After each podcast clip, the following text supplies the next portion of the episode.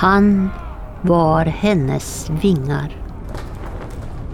Intorkat blod stramade i fjädrarna precis där hon hade fäst den tunna läderremmen. Jag kom för sent. Så mycket blod. Det mesta från underarmarna där strimmiga sår visade hur hon försökt skydda sig från knivhuggen. Svek skär djupare än stål. Ett i ryggslutet och två i buken innan Korax hunnit fram. Utan att tveka hade han begravt klorna i angriparens ansikte och slitit sönder den fåniga huvan och allt kött som han kom åt. Hämnd smakar järn. Drottning Skura stod lutad mot väggen. Med en darrande hand strök hon undan några hårslingor som hade lossnat från flätan. Den gröna manteln med guldspännet var sönderriven och det fanns något i hennes blick som Korax aldrig sett där förut. Rädsla. Insikten skrämde honom mer än någonting annat. Han hjälpte henne fram till fåtöljen vid sängen. Samma bruna fåtölj där hon suttit försjunken i en bok för knappt två timmar sedan då han hade tittat in bara för att säga godnatt. Hon nickade mot skrivbordet med ett ansikte som var blekt av smärta. Korax förstod och hämtade runristaren, stentavlor och pergament. Fler inkräktare var på väg. Ljudet av springande steg kom allt närmare och det luktade fränt av brandrök.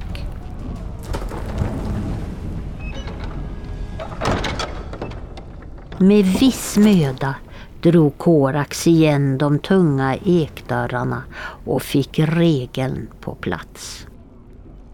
Bli mina vingar, hade hon viskat mot hans kind när hon fäste den tunna läderremmen.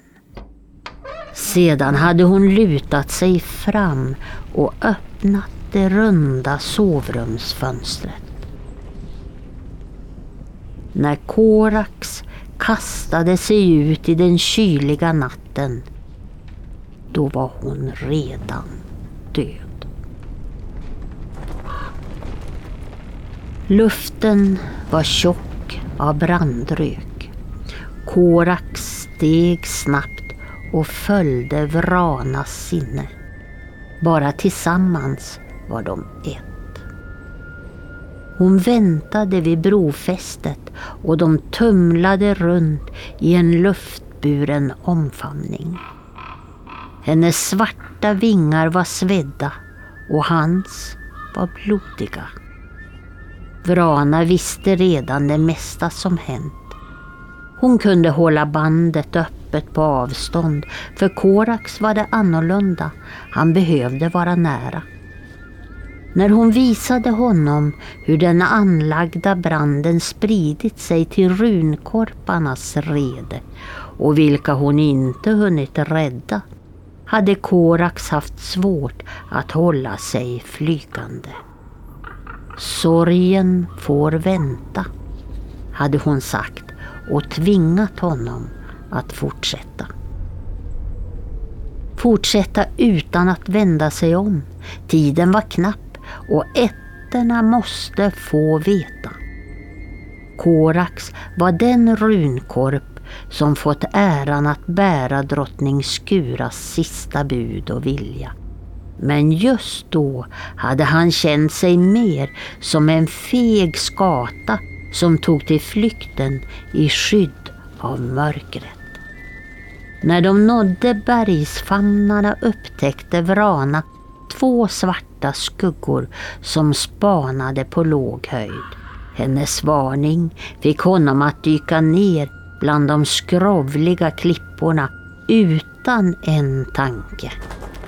I den trånga bergskrevan satt de stilla och väntade.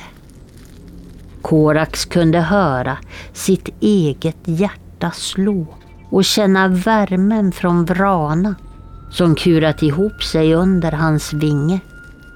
Förföljarnas vingslag hade passerat alldeles ovanför. När de vågat fortsätta flög de i skydd av träden ända tills gryningen kom. Långsamt hade morgonsolen klättrat över trädtopparna. Korax lät de utsträckta vingarna vila i den uppåtgående vinden. Långt där nere böljade skogarna som ett grönt hav. Doften av mossa, svamp och lingonris flöt ihop till en kryddig blandning som påminde Korax om att det faktiskt var på väg hem. De följde fortfarande floden som kallades Vyshegda av människofolken. Korax kunde ana det tröga vattnets långsamma rörelser. Natten kändes plötsligt långt borta. Tänk, tänk om det aldrig hänt. Att allt bara var en ond dröm. Korax blundade hårt. Låt mig vakna hemma i redet. Skärp dig, fräste Vrana och dök innan han hann komma på något bra svar. Det var problemet med ett delat sinne.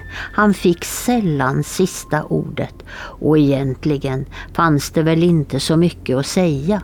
Förutom att Vrana hade rätt. Han var en drömmare. Min oroligaste korp. Så hade drottningen ibland kallat honom när de talade om livet, framtiden och ingenting.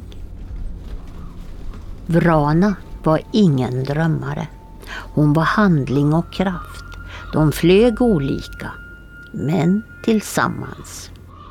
Som nykläckt runkorp i kärnveden hade Korax drömt om att få tjäna berget. Det gjorde de flesta unga korpar, kanske mest för att de hade hört hjältesagorna om Runvinga, Järv och Järnflaxa som bar på livsavgörande bud genom snöstormar och eldhav utan att tappa varken modet eller äran. Sedan hade han träffat Vrana och glömt allt om stordåd i järnveden. Hon hade fått sin plats i sjöblänk och han hade följt efter henne till sjöätterna på Ladogas stränder. Mat. Snart. Han uppfattade hur Vrana tog mark in till flodbanken. Korax slog lite när det täta grenverket bröts upp av tre blankar. Vråkarna flaxade och skränade, ljudliga protester utan några begripliga ord. Inte för att det behövdes. Korax hade inga problem att uppfatta ilskan som lyste från deras svartblanka ögon. Det kunde ha varit jag om jag inte hade blivit väckt. Vem skulle jag ha varit utan orden? Runkorpar kläcktes under trollens rungallrar och besvärjelser. De föddes med runskriftens gåva och förmågan att uttala ord på ätternas språk. Korax kunde mer än några ord. Drottning Skura av Sjöblank hade gett honom sitt språk. Tålmodigt hade hon visat honom sanningen bakom sjöätternas valspråk. Ett språk är en själ. Rävkroppen låg nära floden. Ljudet av vatten var överraskande starkt och påminde Korax om hur törstig han var. Vrana hackade redan i kadavret hon vunnit från blankarna. Korax tog mark strax intill och lät ena vingen nudda vid hennes silkeslena kind. Du är min jägarinna, viskade han. Jag är ditt förnuft, rättade hon och sträckte lätt på den svarta halsen. I hennes mörka blick fanns en trötthet som inte gick att blinka bort. Det var redan för varmt. Ingen av dem ville stanna. Men för att orka ända fram borde de hitta en skuggig viloplats och fortsätta först när solen gått ner. Kadavret var knappt maskätet och förutom lite blod i ena mungipan fanns inga synliga skador. Överkörd av en människa? undrade han. Kanske. Jag såg färska hjulspår där borta. Vrana nickade in mot träden. Korax följde hennes blick och skymtade en övervuxen skogsväg som försvann in mellan höga granar. Hösten hade kommit tidigt och de få lönnar som trängdes bland barrträden sprakade i gult och rött. Korax trampade försiktigt för att hitta fäste i den mjuka marken. Han ryckte till när Vrana böjde sig fram och nappade åt sig en saftig bit som han just slitit loss från rävens lårben. Hon hade ett hest skratt som han tyckte om. Korak slog tillbaka och hon visste att hon var förlåten.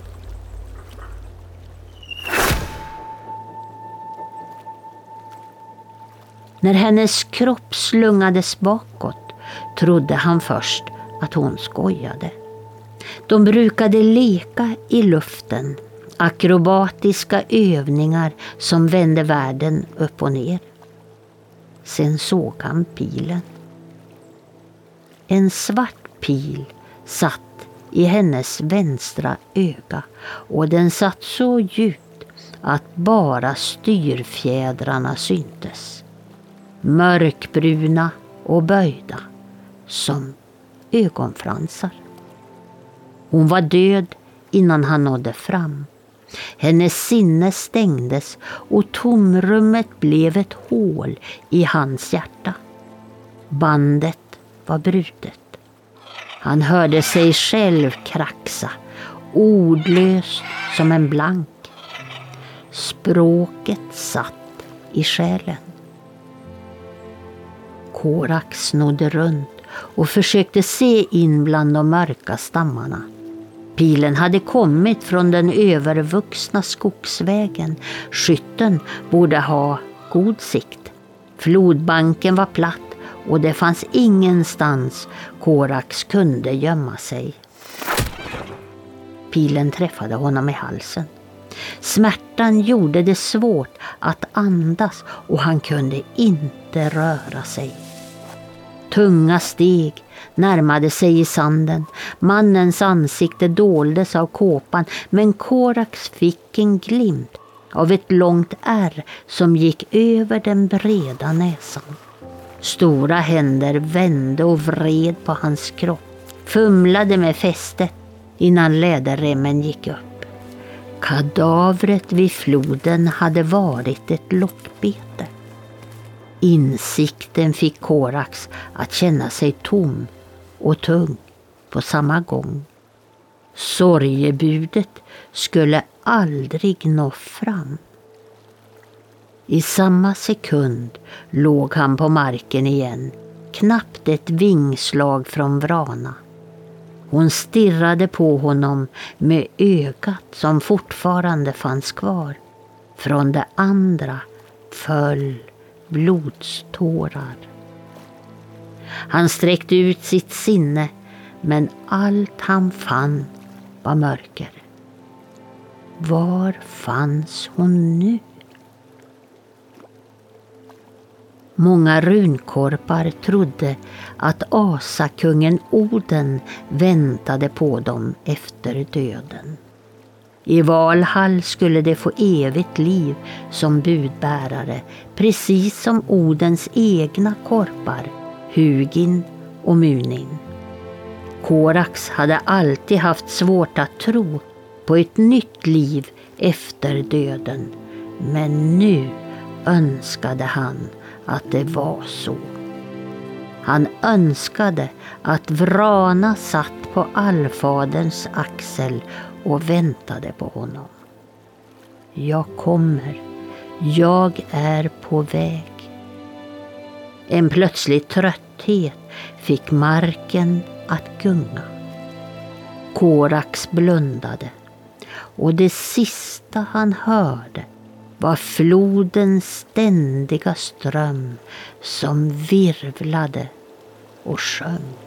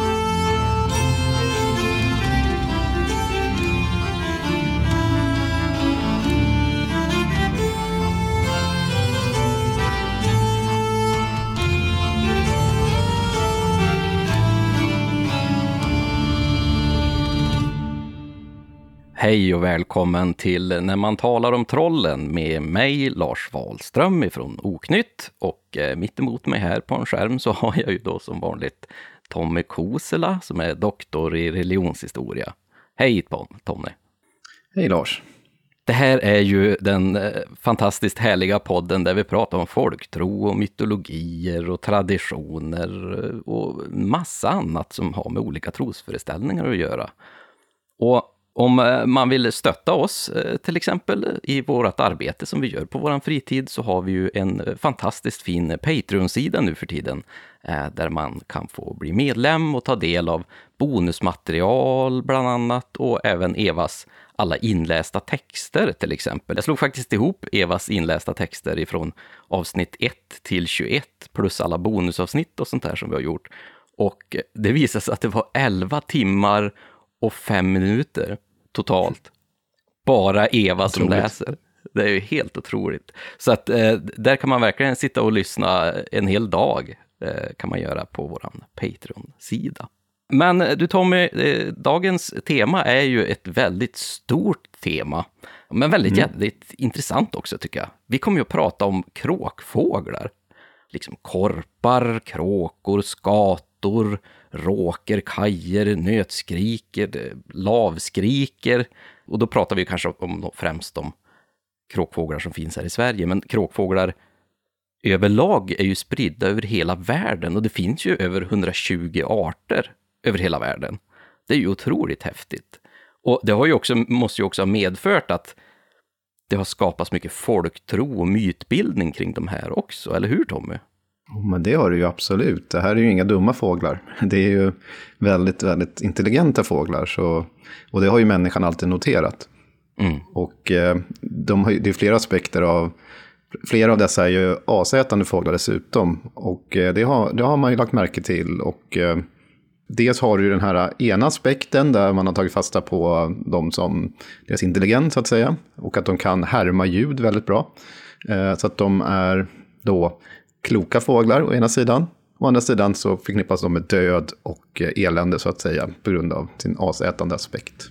Ja, när vi har läst in oss på det här ämnet, jag, det är väl mest jag som brukar läsa in mig på de här ämnena. Du är ju så himla duktig så du kan ju nästan allting Tommy. Men när, jag, när jag läser in mig lite grann så får man ju verkligen förstå att kråkfåglarna har verkligen olika roller som motsäger sig varandra men det beror lite grann på vilken tid man pratar om, om det är forntid, om det är nutid eller om det är under speciella tider i samhället, där kanske kyrkan var speciellt framträdande och liknande. Så att det här kommer att bli otroligt kul. Men man märker ju också att det är så många olika versioner kring de här kråkfåglarna över hela världen, vilket är jätteroligt. Du har ju även den här uh, dubbelheten än idag. Alltså, du har mm. ju antingen de som älskar säg, korpar och skator och tycker det är jättespännande fåglar. Sen har du de som ser det som rena rama skadedjur eh, som äter av förråd och, och rotar i sopor och, och håller på. Så att, eh, eller till och med, de kan till och med ta andra smådjur. Så att det är inte alltid det är positivt. Det, det, kan jag känna igen här också. Jag har en eh, väldigt nära eh, släkt eh, som verkligen tycker att kajer är väldigt jobbiga. Hon, hon beskriver dem ibland som flygande råttor, just för att de kommer i de här stora svärmarna och de flockas liksom och de är stora svarta eh, fåglarna som oftast samlas kring jordbruken här runt omkring, runt, runt dyngbrunnar och allt möjligt. Så hon, hon har den typen av syn på just kajerna. Medan hon istället kan tycka att korparna är jättevackra. Så att mm. det, det är ju väldigt kul det här. Enkelt, enkelt kan man säga att det hör oftast ihop med hur vanliga fåglarna är där man bor. Eh, har man extremt mycket säg, skater runt sitt hem så kanske man inte har den här eh, lite magiskt romantiska synen på skator. Men man kanske tycker om man ser en, en korp i det fria är någonting helt otroligt. Eh, och samma sak är det ju med kajor och, och sånt där. Här i, i centrala Uppsala så har vi ju jättemängder av, jag tror att det är kråkor kan vara kajor också, som, som liksom flyger och svärtar ner delar av himlen när de flyger förbi här. Jag tycker i och för sig att det är väldigt spännande så länge jag har allting stängt så att inga kommer in. jag skulle kunna tänka mig en enstaka hemma, men inte, inte hel sån här äh, svärm med dem. Nej, precis. Jag vet en, en äh, stad som jag har bott i några år, det var Kramfors äh, uppe i Västernorrland. Och de har någonting som kallas för Kramforskråkan och det, det är liksom en, en stadskråka kan man väl säga. Och det är att som jag har förstått det så är deras kråkor liksom väldigt stora. Eh, och det minns jag faktiskt när jag bodde där, att när man såg dem var ute på stan och de gick omkring och picka väldigt, väldigt stora kråkor, nästan stor som en korp. Liksom. Så det, det, de har ju verkligen satt sin prägel på, eh, på oss människor. Men Tommy, har du någon speciell eh, favorit bland de här kråkfåglarna? Det har jag faktiskt. Då kanske man skulle kunna tro att jag skulle säga korp, för att det är mm magiskt och förknippat med uh, olika gudomligheter och sådär. Men jag säger faktiskt skatan. Uh, mm -hmm. Jag har alltid älskat skator, även sedan jag var liten. Jag tycker att de är oerhört roliga att följa och titta på. De hittar alltid på så roliga saker. Så att, eh, som, ett, som ett litet barn så kunde jag ibland följa efter en skata för att se vad den hittar på för hyss. Ibland, är den ute och, ibland går den ju på marken och, och busar med andra och kan retas med katter och hundar och sånt där. Jag tyckte det var ganska roligt att, att se. Och sen finns det så oerhört mycket om skator beskrivet även i folkloren här i Sverige. Då, så att jag har själv skrivit om det bland annat. Så, ja, det, det, så jag skulle kunna säga skatan. Men vad säger du då Lars, har du någon favoritkråkfågel? Ja, det är lite svårt, för jag vurmar ju också väldigt mycket för skatan. Och ungefär av samma anledning som du. För att eh, där jag bor nu så har vi mycket skator runt gården och de är väldigt roliga. Det är som du säger, de flyger runt, de hoppar och studsar och de kan fara och picka och de ser väldigt lekfulla ut. Och de far ju oftast och jagar varandra, de här skatorna på våren. Och det är väldigt kul att se hur de gör de här luftakrobatiken. Liksom. Men samtidigt så är korpen väldigt, väldigt vacker. Det är någonting speciellt med just korpen, den här ofta ensamma stora fågeln som flyger omkring och den låter väldigt olika hela tiden. Den har speciella ljud för sig. Eh, och sen är, kan det ju också vara att där vi har våran sommarstuga eh, här uppe så är det otroligt mycket korp. Eh, jätte, jättemycket korp runt det området, så man ser dem väldigt ofta. Så att, ja, delade känslor, absolut.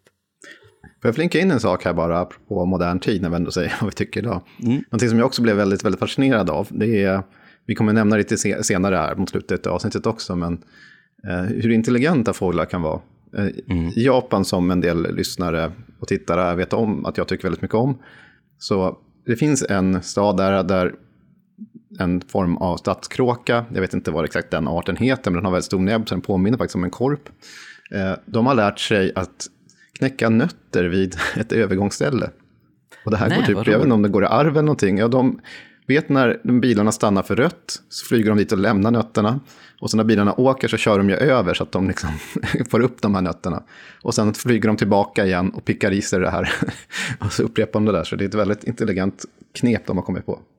Ja, verkligen. De lär sig ju så otroligt snabbt. Det, det gör de ju absolut. Men vi kanske ändå ska börja med en av de här äh, fåglarna nu då. För att det är ju så väldigt mycket kring de här kråkfåglarna, men vi måste ju börja någonstans. Och då kanske vi ska börja ändå med den mest uppenbara, eh, som vi faktiskt fick höra i den här in långa introtexten eh, som vi hade här. Och den här texten var skriven av eh, Sara Boström, min kollega här i Oknytt, och då upplevts som vanligt av Eva Boström. Och då kan man fundera sig, vad är det här för typ av text? För det är ju ingen som vi vanligtvis brukar hämta ifrån eh, olika uppteckningar och sägner som vi har. Utan det här är faktiskt en text, Tommy, som Sara skrev för flera år sedan, nästan när vi hade börjat Oknytt. Och den skulle väl funka lite grann som en prolog till en större berättelse. Och jag tänkte att när vi väl skulle göra det här avsnittet så kom jag på att vi har ju den där texten och den handlar ju väldigt mycket om de här korparna som då flyr och ska lämna det här meddelandet. Och den är så himla känslosam och fin och typiskt skriven på Saras sätt och då här uppläst av Eva. Så att jag tänkte, ja men vi måste nästan köra den som intro för att få den här riktiga känslan. Eh, så att jag tänkte, ja men det kan ju, istället för en prolog till en kommande bok så kanske det kan bli prologen till det här avsnittet om just kråkfåglar. Men Tommy, om vi ska gå in i den hårda faktan här, kan vi få en liten kort presentation om korpens betydelse i myt och folktro? Det kan vi, men jag tänkte jag ska börja med en annan, faktiskt lite känslosam berättelse också. Eller den, den, har liksom, man kan säga att det är mytbildning, men det finns, det finns två korpar som står i centrum här som har funnits som heter Mabel och Grip.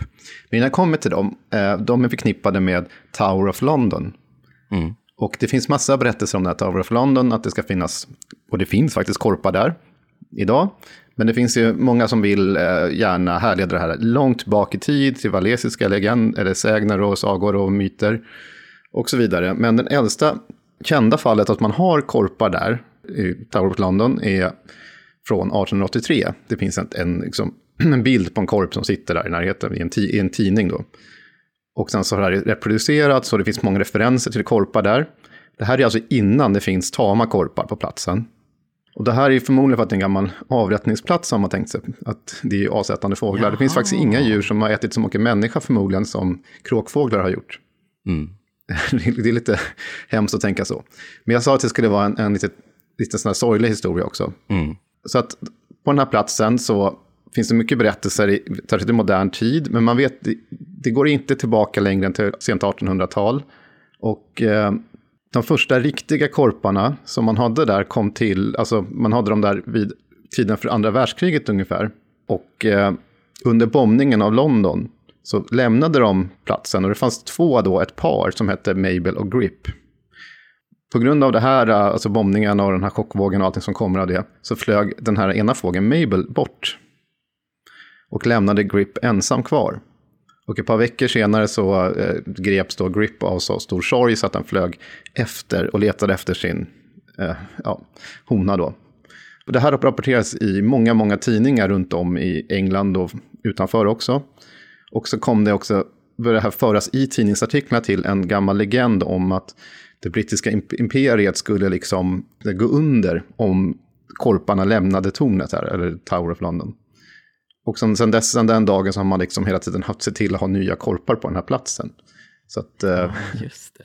Jo, man har ju hört den där berättelsen väldigt ofta. Och just den här som du berättar här, just att det var eh, de här två korparna då som en flög iväg och den andra då blev så sorgsen så att den måste hitta åt sin egen sin partner igen, är ju väldigt gripande. Jag tror mycket av det här att när man vill ha tillbaka till det gamla, eh, till de här valesiska legenderna och sånt, för det finns ju sådana berättelser som knyts till det här. Eh, det är inte alltid säkert att det är den här platsen just. Det kom ju liksom i tidningsrapporteringarna om det här. Så mm. det är en ganska modern företeelse om man säger så. Som många vill härleda bakåt. Ja, men och sen mitt under brinnande kriget eh, är det ju inte alls konstigt att det skapar en väldigt stor känsla hos folket också, att man verkligen eh, bara det befäster den här berättelsen som någonting genuint, att det verkligen det, det är det här som verkligen gäller. Men sen är väl eh, Storbritannien och, och, och, England är väl lite småkända kanske för att vilja hitta sin, eh, sitt ursprung på något sätt. Jag menar, vi har ju pratat väldigt mycket om Tolkien till exempel och hans mm. eh, mytologi kring eh, Sagan om ringen och att han, han, han tyckte att det saknas liksom eh, den här typen av berättelser i, i eh, deras historia. Ja, det fanns ingen mytologi för England, det var hans eh, konstaterande, så han ville skriva mm. den. Vi, vi, ska prata om Tolkiens syn på korpar och kråkor på slutet, mot slutet av det här avsnittet. Men jag tänkte eftersom vi pratar om vad korparna har betytt och om man tänker på stora imperier så kan man tänka på ytterligare ett. Och ett av de största är ju såklart romarriket. Det finns nämligen en berättelse om en korp även härifrån.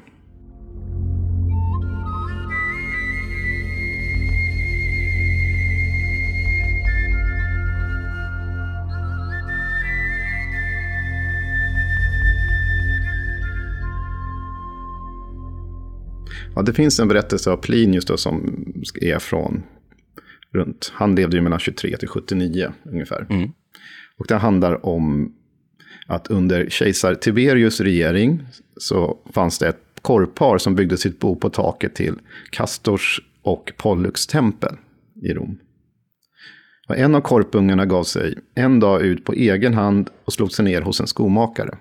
Den här skomakaren hade, sån här, hade så stor vördnad för fågeln som också hade tidigare ruvat på en helig plats, att han lät honom hållas. Var morgon flög dock korpen till torget där han hälsade kejsaren och hans två söner, Drusus och Germanicus. Och det här la ju folk märke till, enligt då Plinius. Sedan ja, han hälsat på folket som också var där, flög han tillbaka till skomakarens bod. Och så fortsatte den här korpen i flera år, eh, tills en dag en avundsjuk kollega till skomakaren slog ihjäl honom, alltså slog ihjäl korpen. Det här retade folket till den grad att de misshandlade den här äh, missdådaren, alltså mördaren, till döds. Eh, och vad korpen angår menar Plinius fick han en statsbegravning som bevistades av tusenden.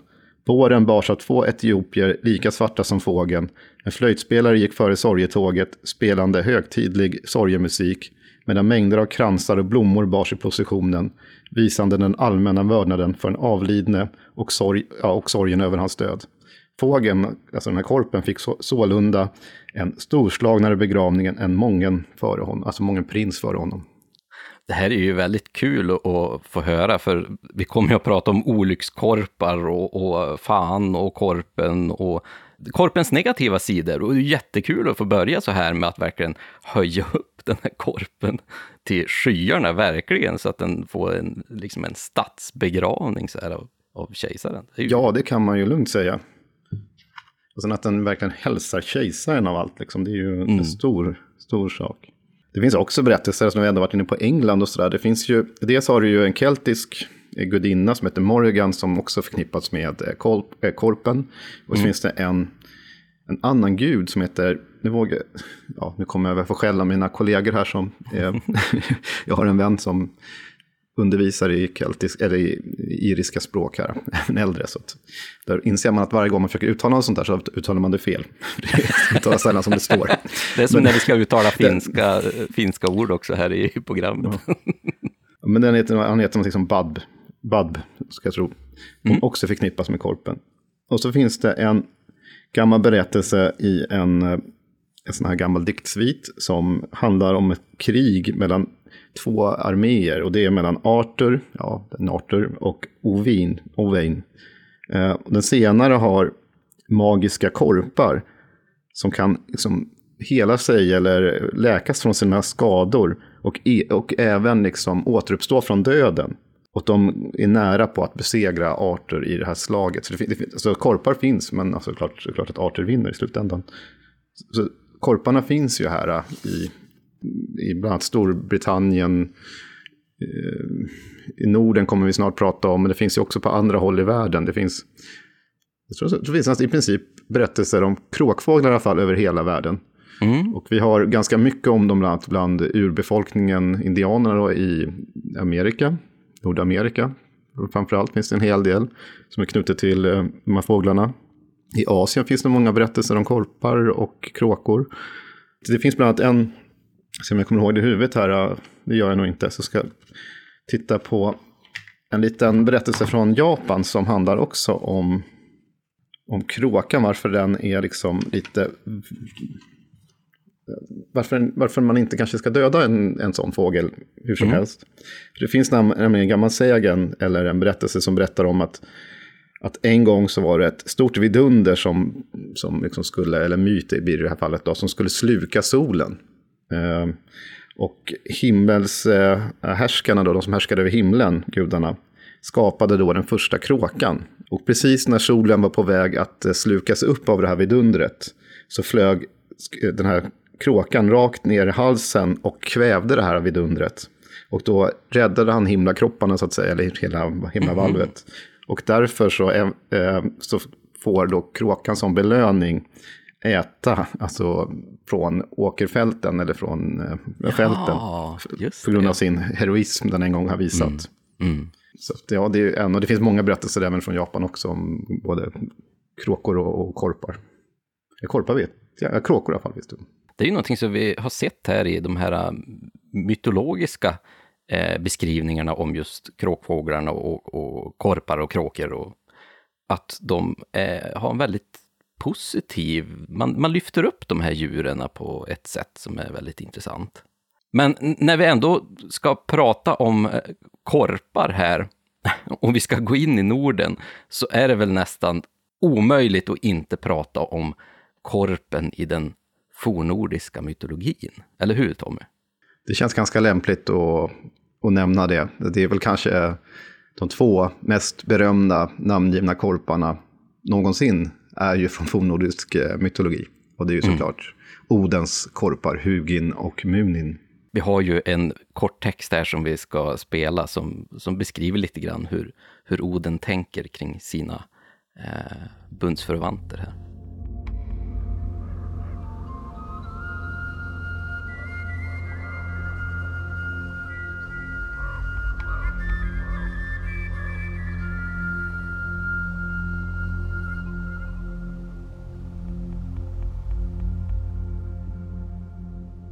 Två korpar sitter på Odens axlar och berättar i hans öra om alla händelser som de ser eller hör. De heter Hugin och Munin. I gryningen sänder han dem att flyga över hela världen och de kommer tillbaka vid morgonmålstiden. Så blir han kunnig om många händelser och det är därför man kallar honom för korpguden. Så här sägs det. Hugin och Munin flyger var dag över den mäktiga jorden. Jag är rädd att Hugin inte kommer åter. Men min oro är större för Munin.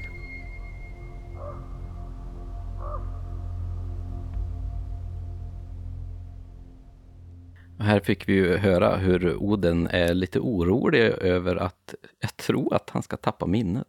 Men Tommy, var kommer den här texten ifrån? Det som Eva läste nu, det kommer från Snorre Sturlason. Och han citerar i den en eh, strof ur en Edda-dikt som heter Grimnismal. Jag tyckte att den var bra att välja ut här för att den på ett lite bredare plan visar på kopplingen Oden och Korpen. Eh, korpen är i det här betydelsen att Oden förknippas med korpen så kan man slå ihop de här två egenskaperna vi pratade om tidigare. Eh, klokhet och död. Oden är ju inte någon gud som man kanske, en gemene man vänder sig till. Och det är ju ingen schysst gud heller på många sätt, beroende på hur man tolkar detta. Han, han, är ju, han, han är ju en gud som förknippas kraftigt med döden och, och slag. Och korpen är en, as, som avsättande fågel så håller den till på slagfält. Och det har man noterat. Och i den fornnordiska diktningen så finns det så kallade kenningar. Alltså omskrivelser poetiska där man använder just korp ganska ofta för att beteckna död och slagfält och krig. Mm. Och det han pratar om här med Hugin och Munin, att Hugin kommer ju av ett ord som på svenska i modern tid skulle bli som håg, alltså tanke. Och Munin är just då som minne, alltså det är minnet. Så Oden är mest Eh, orolig över att förlora sitt minne här. Och här kan man ju se det, för här har diskuterats av många forskare vad de här fåglarna representerar. Det är olika aspekter av guden själv som sänds ut över världarna som liksom någon slags... Är det sändebud, är det spioner, är det delar av han själv? Alltså, det är det som satt där i shamanistiska eh, tolkningsramar. Eh, Men eh, ett är i alla fall säkert är att korpen också i en del sagalitteratur kan dyka upp som en, liksom budbärare eller någonting som visar på att Oden kanske mottar ett eh, blot eller ett, så kallat offer.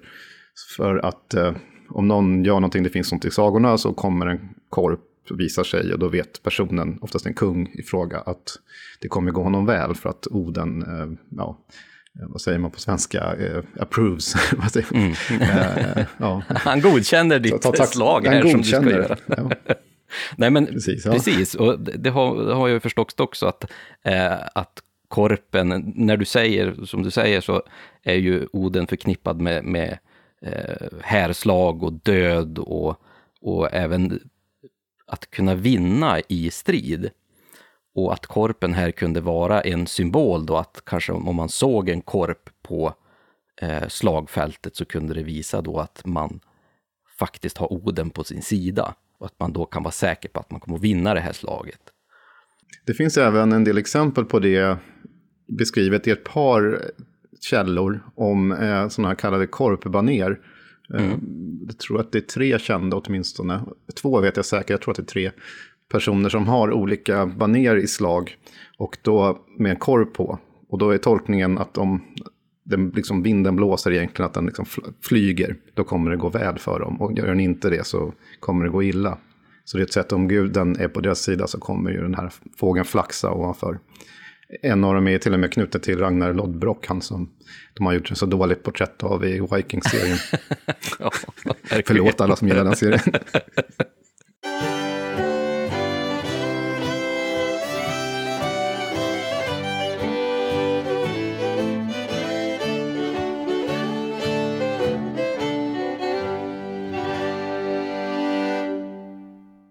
Och Oden eller krigets koppling, eller Korpens koppling till Od och krig, Oden och krig syns ju på andra håll också, även i arkeologiska fynd. Eh, dels finns det sådana här hjälmbläck och så, där man har avbilder på en ryttare med, med fåglar som flyger över, som antagligen då är Hugin och Munin.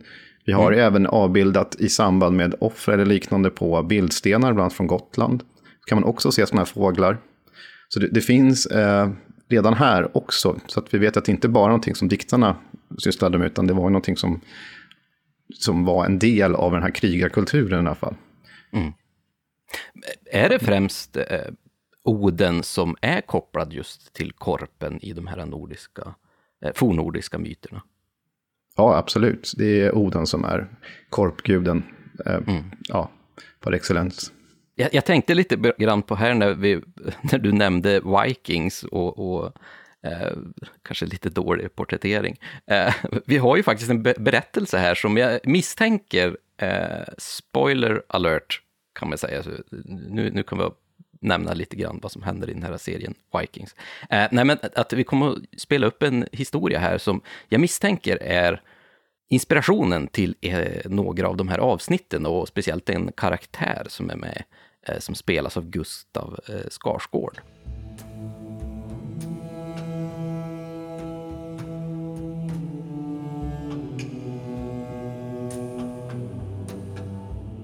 Floke Vildgärdsson hette en man och han var en stor viking. Han for från Rogaland för att leta efter Gardasholm som låg i Smörsundet. Han redde till ett stort blot och blotade tränne korpar som skulle visa honom vägen för havsseglingsfolket hade ingen segelsten i Nordanlandet vid den här tiden. De kastade upp vårdkasar där blodet stått och kasarna kallas nu för Flokavårdarna och kasarna ligger där Hordaland och Rogaland möts. Han for först till Jarland och låg där i Flokavåg. Där omkom hans dotter Geirhild i sjön Geirhilda vattnet. Med Floke på skeppet var två norröna bröder, en bonde som hette Torolf och den andra en man vid namn Heirolf. Floke hade med sig till havs de tre korpar han blotat till. När han släppte lös den första flög den tillbaka in över stäven. Den andra lyfte sig rakt upp i luften och återvände till skeppet. Den tredje flög framåt från stäven i den riktningen där de sedan fann landet. De kom från öster in mot Horn och seglade därifrån söderut längs kusten. Men när de seglade västerut kring Reykjanäset och fjorden öppnade sig så att de såg Snäfällnäset, då var där en man från Suderöarna som var med på skeppet och han hette Faxe. Faxe sa då, detta måtte måtte vara ett stort land som vi har funnit och här är väldiga vattendrag. Sedan kallades den bredden för Faxebukten.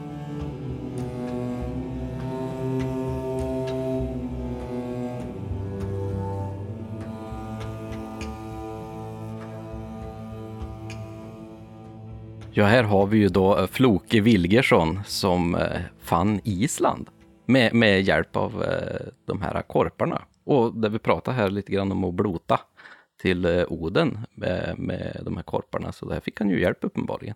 Jag har varit på Island några gånger och där har de ett sånt där sagamuseum med eh, vaxdockor. Mm. Där finns ju nämligen eh, Hrafna Floki också avbildad med korparna. Så det här kommer från en en saga som är, är från Lannama bok. Som handlar om alltså, landtagningen av Island. Så att det är liksom en sån här eh, berättelse om hur man hittade Island enligt den här. Då. Uh, väldigt spännande för att den är, den är inte så... Den, det, är ju, det är ju en nordisk prägel på den, men det är ju en gammal historia som finns berättat från många håll tidigare. Uh, inte minst så kanske många förknippar en liknande historia med Bibeln. Uh, ja. Med Noaks ark. Precis. och Noak. Mm. För han gör samma sak, nämligen efter syndafloden så sänder han ut en korp som ska flyga och leta efter, om, se om liksom, det blir torrt så att man kan, så båten kan komma i, i land eller inte. Och sen sänder han ut duvor. Och, och den, en duva kommer tillbaka med den kvisten så att han vet att det är torrt så han kan landstiga. Det här har gett upphov till massa eh, skriverier om både i, även i muslimsk tradition och i eller muslimska traditioner och i kristna traditioner om att vad som händer här, att enligt någon så stannar den här korpen till och putsar sina vingar och, eller hittar några kadaver som det äter på och sådär, så då ska den straffas sen, medan istället duvan kommer tillbaka i den här schyssta som är den här bra symbolen då, till skillnad från korpen.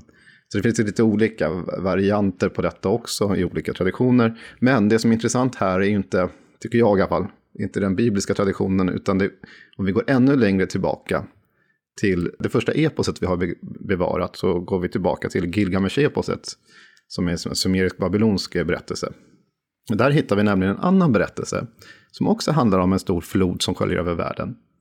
Som många menar är ursprunget till den som finns i Bibeln sen. Och här finns det då en person som heter, och uttalet kommer bli galet nu, det kan jag varna för, men han heter uh, Utnapishitim, eller något sånt där. Mm. Och uh, han och hans fru överlever uh, floden som förstör, förstör liksom resten av mänskligheten genom att bygga en båt. Känner vi igen historien? Mm.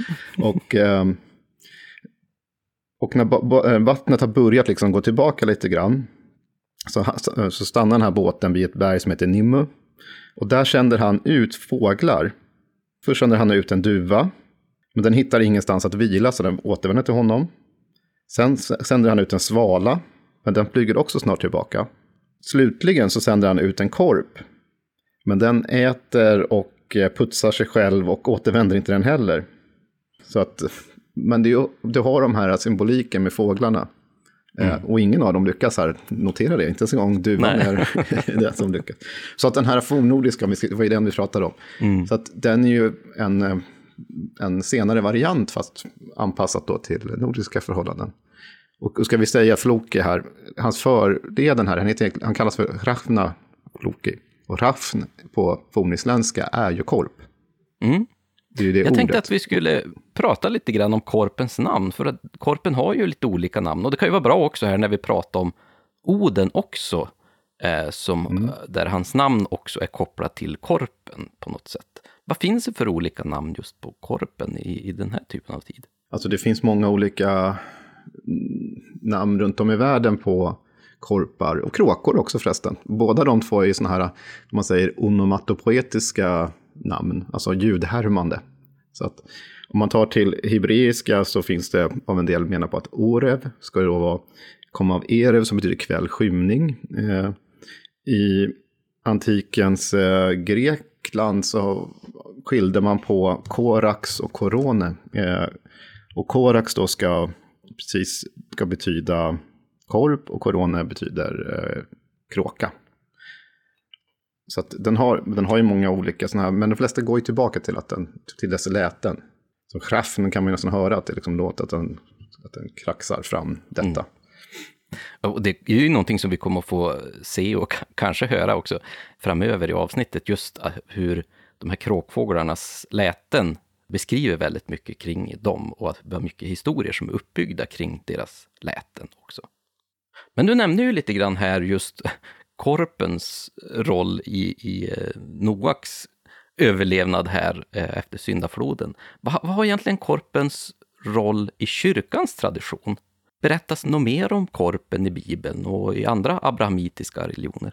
Ja, det gör det. Och den, eh, den, är, den är tvetydig. Jag menar, korpen är ju, och kråkan är ju en, ett avsättande djur, därför är det ett orent djur kan man säga i, mm. i, i, i judiska traditioner. Och det finns berättelser, korpen förekommer lite här och där. Den ställs oftast i kontrast till duvan som då är den bra fågeln och den korpen eller kråkan är den dåliga fågeln.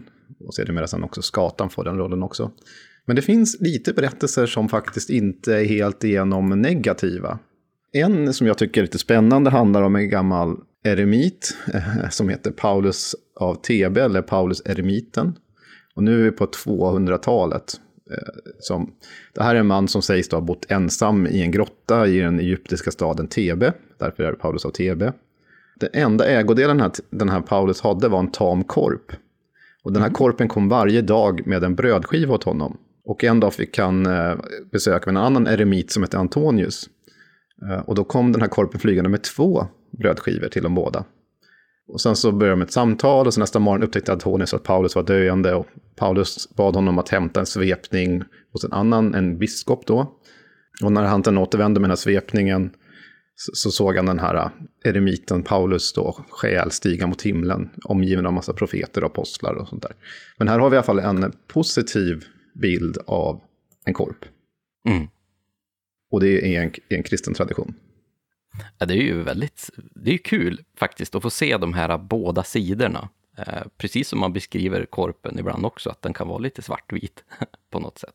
Eh, jag tänkte ta upp en grej här som kanske inte är jättekorrekt, men ofta när vi pratar om att man vill härleda eh, kanske lite modernare traditioner eller eh, tankesätt längre tillbaka i tiden, så tänker jag att ofta vill man kanske förklara kristendomen eller kyrkan som en undanstötare av tidigare traditioner. Till exempel i det här fallet, eh, varför är korpen så svartfläckad av kyrkan när den var så upplyft av de nordiska myterna och den fornordiska traditionen? Men har inte de här eh, synsätten ifrån kyrkan kommit långt tidigare innan kyrkan överhuvudtaget kommer till Norden på något sätt? Jo, det finns det ju. Alltså, alltså, det är ju det är beroende på att vi kanske har en, eh, en bild av Oden som någon slags allmän eh, gud som många bad till. Det var det absolut inte. Det var ju en väldigt liten elit som bad till Oden. Det mm. finns ju en hel del förknipp, som förknippar alltså, korpar, kråkfåglar med eh, onda alltså budbärare som man drömmer om dem. Eller det finns också en del uttryck i diktningen och sånt där som hänvisar till det som vi kallar för olycksfåglar, alltså kråkor som någon mm. slags olycksfåglar. Så det där finns även i äldre tid, eh, den här dubbelheten kring de här fåglarna. Det blir ju väldigt lätt då att kunna komma in med sina egna traditioner när det finns den här tvåtydigheten kring just korpen och hur man ser på just korpen i olika traditioner. Så, äh, det, det, var en liten passus där som jag funderar på. Ja, nej men sen är det du har ju också rätt i att med tiden så kom kråkfåglar överlag att bli mer och mer svartmålade mm. i olika traditioner för att de förknippades med djävulen. Och djävulen har, Oden förknippades också med djävulen vid ett tidigt stadium. Det finns ju texter som är ganska sena, medeltida och lite senare så stor, från stormaktstiden ungefär, där Oden nämns i en del sammanhang. Men här får man ju inte förstå Oden som att det skulle kvarleva någon slags eh, kult till Oden fram till 1600-talet.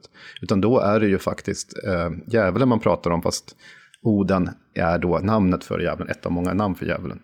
Men du Tommy, ska vi ta ett steg framåt i tid kanske och lämna mm. eh, den här äldre kyrkan och den fornordiska tiden en bit bakom oss och gå fram till en herre som, som, som vi nämner ganska ofta i det här programmet. Eh, vi har en liten text av han faktiskt, som vi kanske ska ta och mm. spela upp nu. Favoritbiskopen? Mm.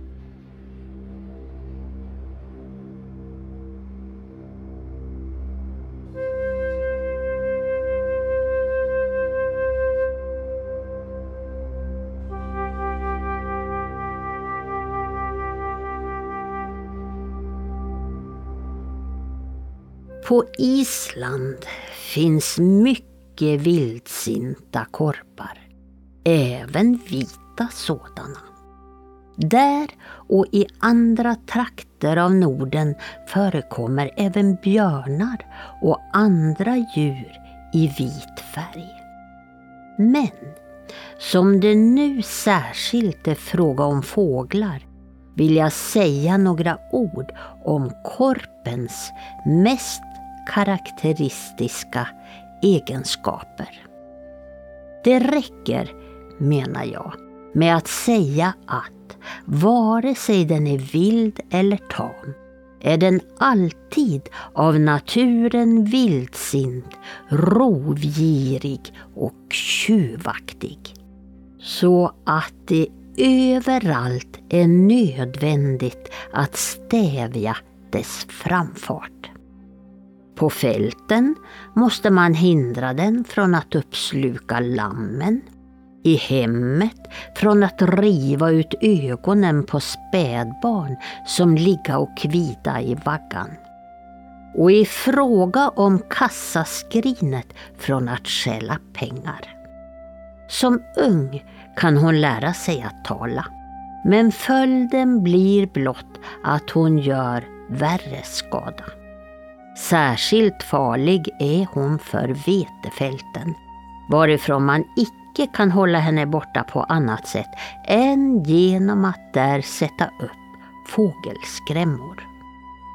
Det är säkert att korparna i Norden, till skillnad från de i Latium, aldrig fått någon betalning för sina ord och läten.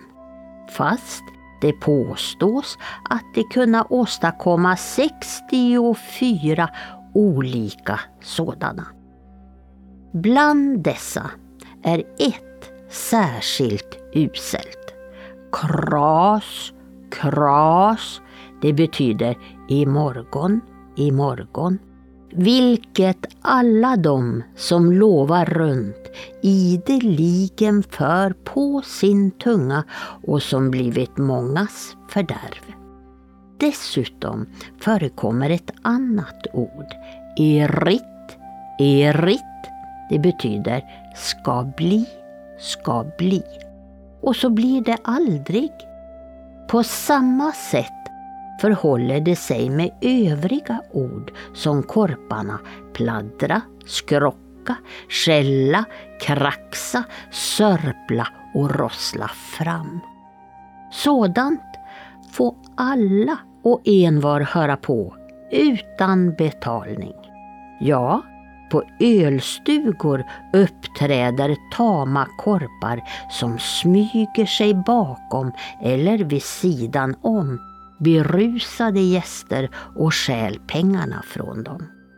Dessa gömmer de på en bestämd plats för att när kalaset ska göras upp den i stölden invigde må lägga till några slantar så tycka de sig dricka gratis då korpen betalar för alla. Och här har verkligen vår favoritbiskop Olaus Magnus ord och inga visor om korpen här uppe i Norden, så var tydligen riktigt tjuvaktig och inte alls något bra jämfört med de eh, sydliga korparna. Nej, och han, det här är ju en för alltså, komprimerad form av hans avsnitt om korpar. Eh, mm. Han har ju en massa sådana här referenser till latinska källor och så också, när han pratar om att folk hade betalat för särskilda korpar och sådär. Men visst, det är ju verkligen eh, det, det tjuvaktiga fågeln han tar fasta på här. Och att den inte alls är pålitlig. Till och med allt den säger är liksom raka motsatsen. Man ska absolut inte lita på en sån här fågel. Mm. Jag tycker det är, ja, det, det är som den, vanligt den när Olaus Magnus är i farten. Det är underbart. Ja visst, den, den flyger in i hemmen och klöser ögonen ur dina barn och öppnar skattkistan och plockar ur pengarna och flyger därifrån. Jag tycker det är en, en intressant bild av just hur korpen beter sig. Det där tycker jag är lite intressant förresten, det tänkte jag inte på, men det finns även äldre källor. Än Olaus Magnus, det är ju 1500-tal, som nämner eh, fåglarna just som, ja nu kommer jag inte på i, i, ja det finns en Konrad von Megenberg i Tyskland, som i sin naturhistoria, det här är alltså 200 år innan Olaus Magnus, 1349, eh, också rapporterar om att få, korpar just medvetet flyger in till eh, ja, det får väl vara stallen då, och eh, hackar ut ögonen på oxar och mulåsnor. Väldigt vildsinta det, djur det här. ja, det är precis. Och den där föreställningen finns för övrigt faktiskt kvar i modern tid. Att det som glänser mm. och glittrar, inklusive ögonglober, ska vara särskilt attraktiva för den här typen av ah, fågel. Just det, just det. Men du Tommy, eh, när vi pratar om de här berättelserna och historierna kring fåglar, så handlar det ju mycket om att fågeln är ett djur, naturligtvis. Och det finns ju en berättelsetyp där eh, djur ofta framkommer och det är ju i, i fabler. Uh, och jag mm. tänkte vi skulle prata lite grann om fåglarna i fablernas värld. För att just de här fablerna är ju den här berättartypen då, där man ger djuren kanske lite mer mänskliga egenskaper, att de kan prata och historien har väl oftast någon typ av moral eller skapelseberättelse kring sig. Vi hade en, till exempel i vårt björnavsnitt, tror jag att det var, eh, som förklarar hur björnen fick sin stubbsvans och han blev lurad av räven och eh, frös fast eh, i isen så han slet av sin svans. Men den här typen av berättelser måste ju också finnas kring fåglar och, och korpar och, och så här också. Ja, det är som du säger, fabler är egentligen didaktiska, allegoriska berättelser som har ett moraliskt budskap. Och det, det förmedlar man genom att låta djur ikläda sig eh, de agerande figurerna, så att säga. Så att en räv är alltid kanske opolitlig och listig och sådär.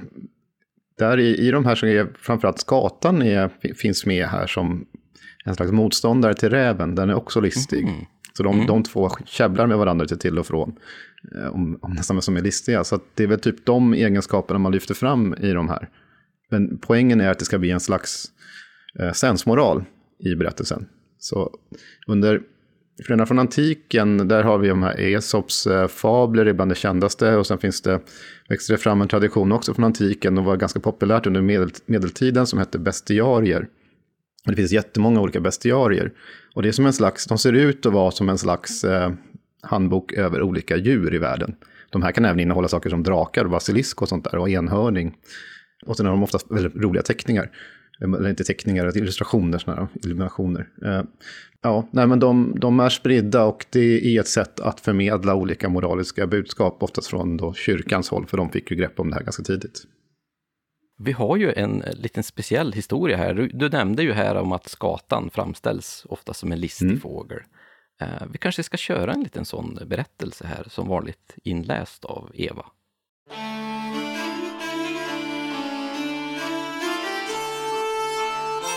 Skatan är en mycket listig fågel. Den är svart och vit i ett tydligt mönster. En sådan skata bodde hos en jägare och kunde tala människospråk. Ja, till och med latin. Och därför gav jägaren henne ett rikligt underhåll. Skatan, som inte var otacksam, ville göra jägaren en gentjänst och flög till de vilda skatorna och slog sig ner vänskapligt där och talade på människospråket. Vildskatorna blev förtjusta och ville själva pladdra och tala människospråk. De kallade därför enhälligt till sig skatan och sa till henne Vi önskar, ja vi ber dig enträget att du lär oss tala som du gör. Vi ska ge dig betalt helt efter din önskan. Skatan svarade. Jag kan inte ge er ett fullständigt svar om jag inte först får tala med min lärare, han som har undervisat mig. Men om ni vill flyga dit tillsammans med mig så kommer han att ta vänligt emot er och lära er detsamma som han har lärt mig. Vildskatorna var godtrogna av sig och flög med skatan. Men då skatan kom hem berättade hon allt sammans för sin husbonde och sa till honom Gå och gör i ordning dina nät så ska jag flyga in med vildskatorna i näten. Vildskatorna, de hörde ju vad hon sa men de förstod inte och de flög därför helt utan tvekan raskt vidare. Under tiden spände jägaren upp sina nät och skatan flög med vildskatorna och sa Tveka nu inte kära systrar utan flyg tryggt med mig för jag har underhandlat med min lärare och han ska gärna ta emot oss. Och då fåglarna hade fastnat vek jägaren in dem i näten, tog fast fåglarna och sålde dem och blev rik. Och han sa, ord att lita på, det är bara sådana ord som man kan förklara och förstå. Och även vi bör akta oss för att lita på orden som kommer från dem som pratar på ett listigt och spetsfundigt sätt.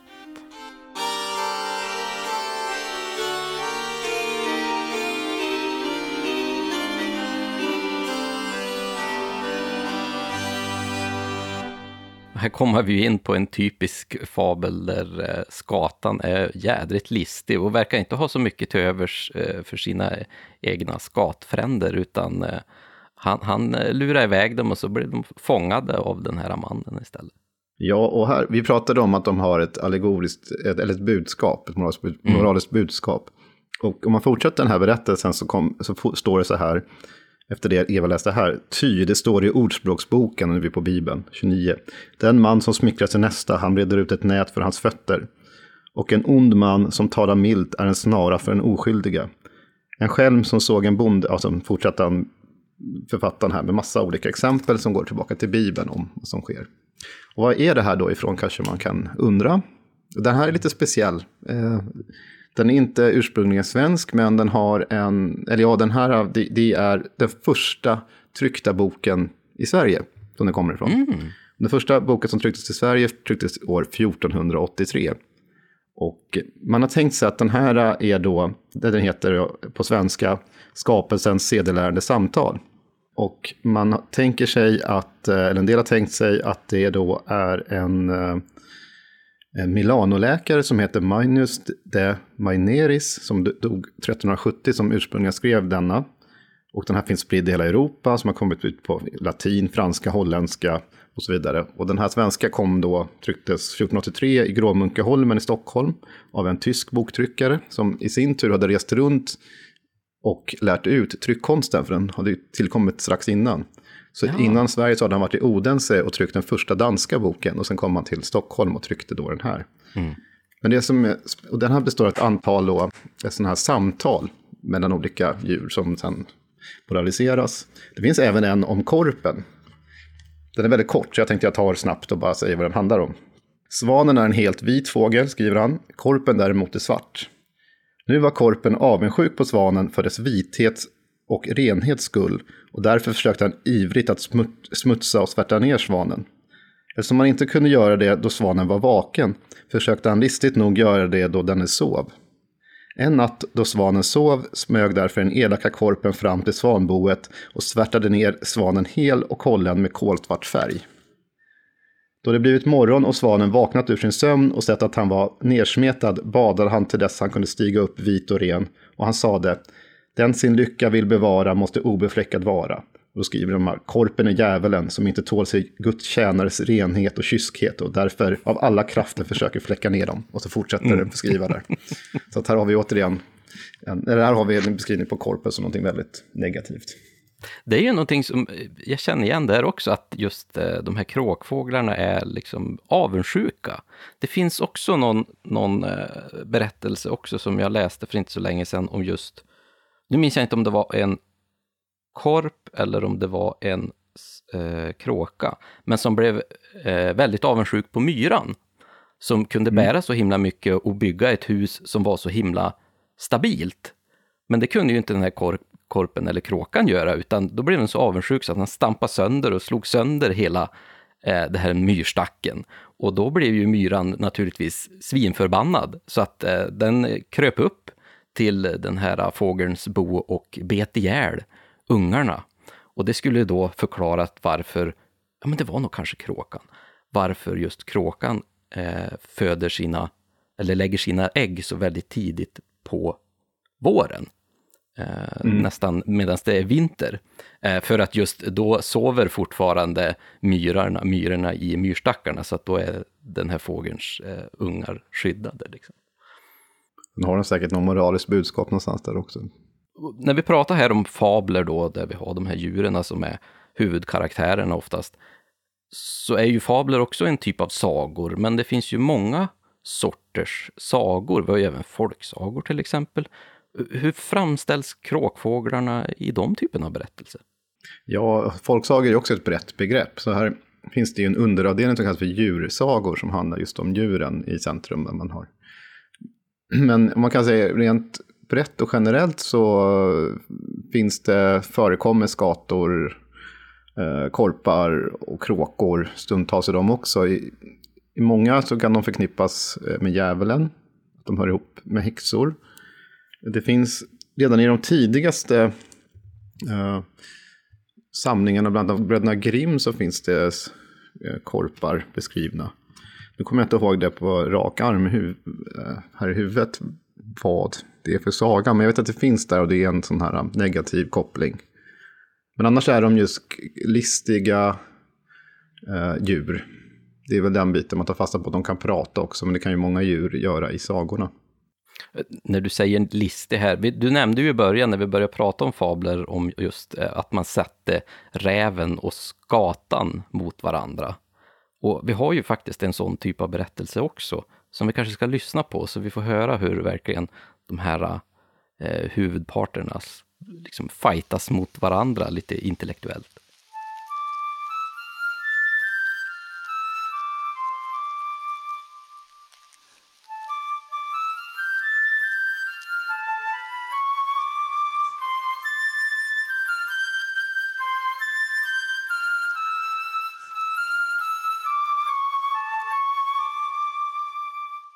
Det var en gång en skata som bodde i ett träd och inte långt från trädet hade en räv sin lya. Både räven och skatan hade småungar och måste samla mat till dem på dagarna. Så en dag, när båda var för sig skulle långt iväg för att skaffa maten, för det var ont om den i den närliggande trakten, så sa räven till skatan. Du kan ju lika gärna släppa dina ungar hem till mina. Då kunde de leka och roa sig medan vi är borta. Räven brukade alltid låtsas som om han var en synnerligen god vän till skatan och därför trodde hon honom inte om något ont utan tyckte att det var en god idé.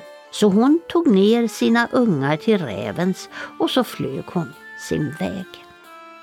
Men när hon kom tillbaka hade rävungarna ätit upp hennes ungar och i ingången till lyan låg räven och skrattade åt henne.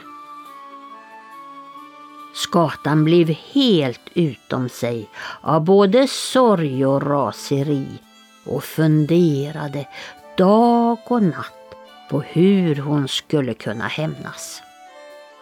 En dag flög hon bort till en hund som hon kände och sa till honom att han skulle lägga sig ner och låtsas vara död så skulle hon narra räven att komma dit att titta på honom. Det var hunden med på och skatan flög sin väg för att träffa räven. Norrlhopa hund ligger död där borta. Ska du följa med och titta på honom? ropade skatan när hon fick se räven. Det ville räven gärna förstås, så han följde med skatan. När de kom fram satte sig skatan på hunden och låtsades som hon skulle börja hacka på honom. Men då gick räven fram och sa Nej, gå bort du så ska jag ge honom på nosen för alla de gånger han har jagat och satt fart på mig. Men då for hunden upp och bet ihjäl räven. Och sedan visade skatan honom vägen till rävlyan och där bet hunden ihjäl alla rävungarna också.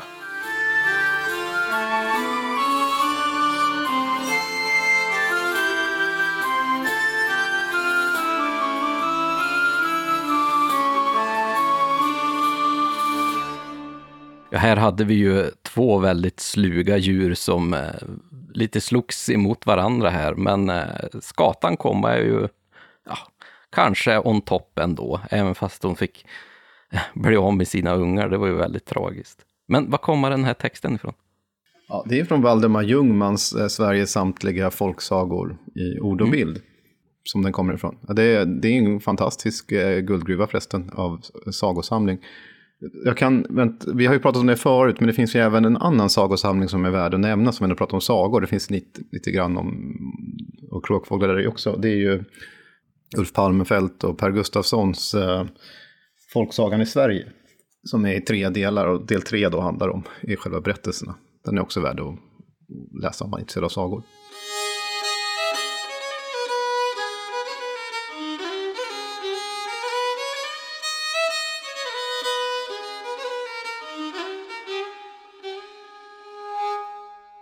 Men eh, Tommy, ska vi ta och lämna fablernas värld bakom oss nu och gå in och till, kanske tillbaka. Eh, vi har pratat lite skater här nu eh, eh, helt plötsligt när vi pratar om fabler, men vi var ju inne på korpen.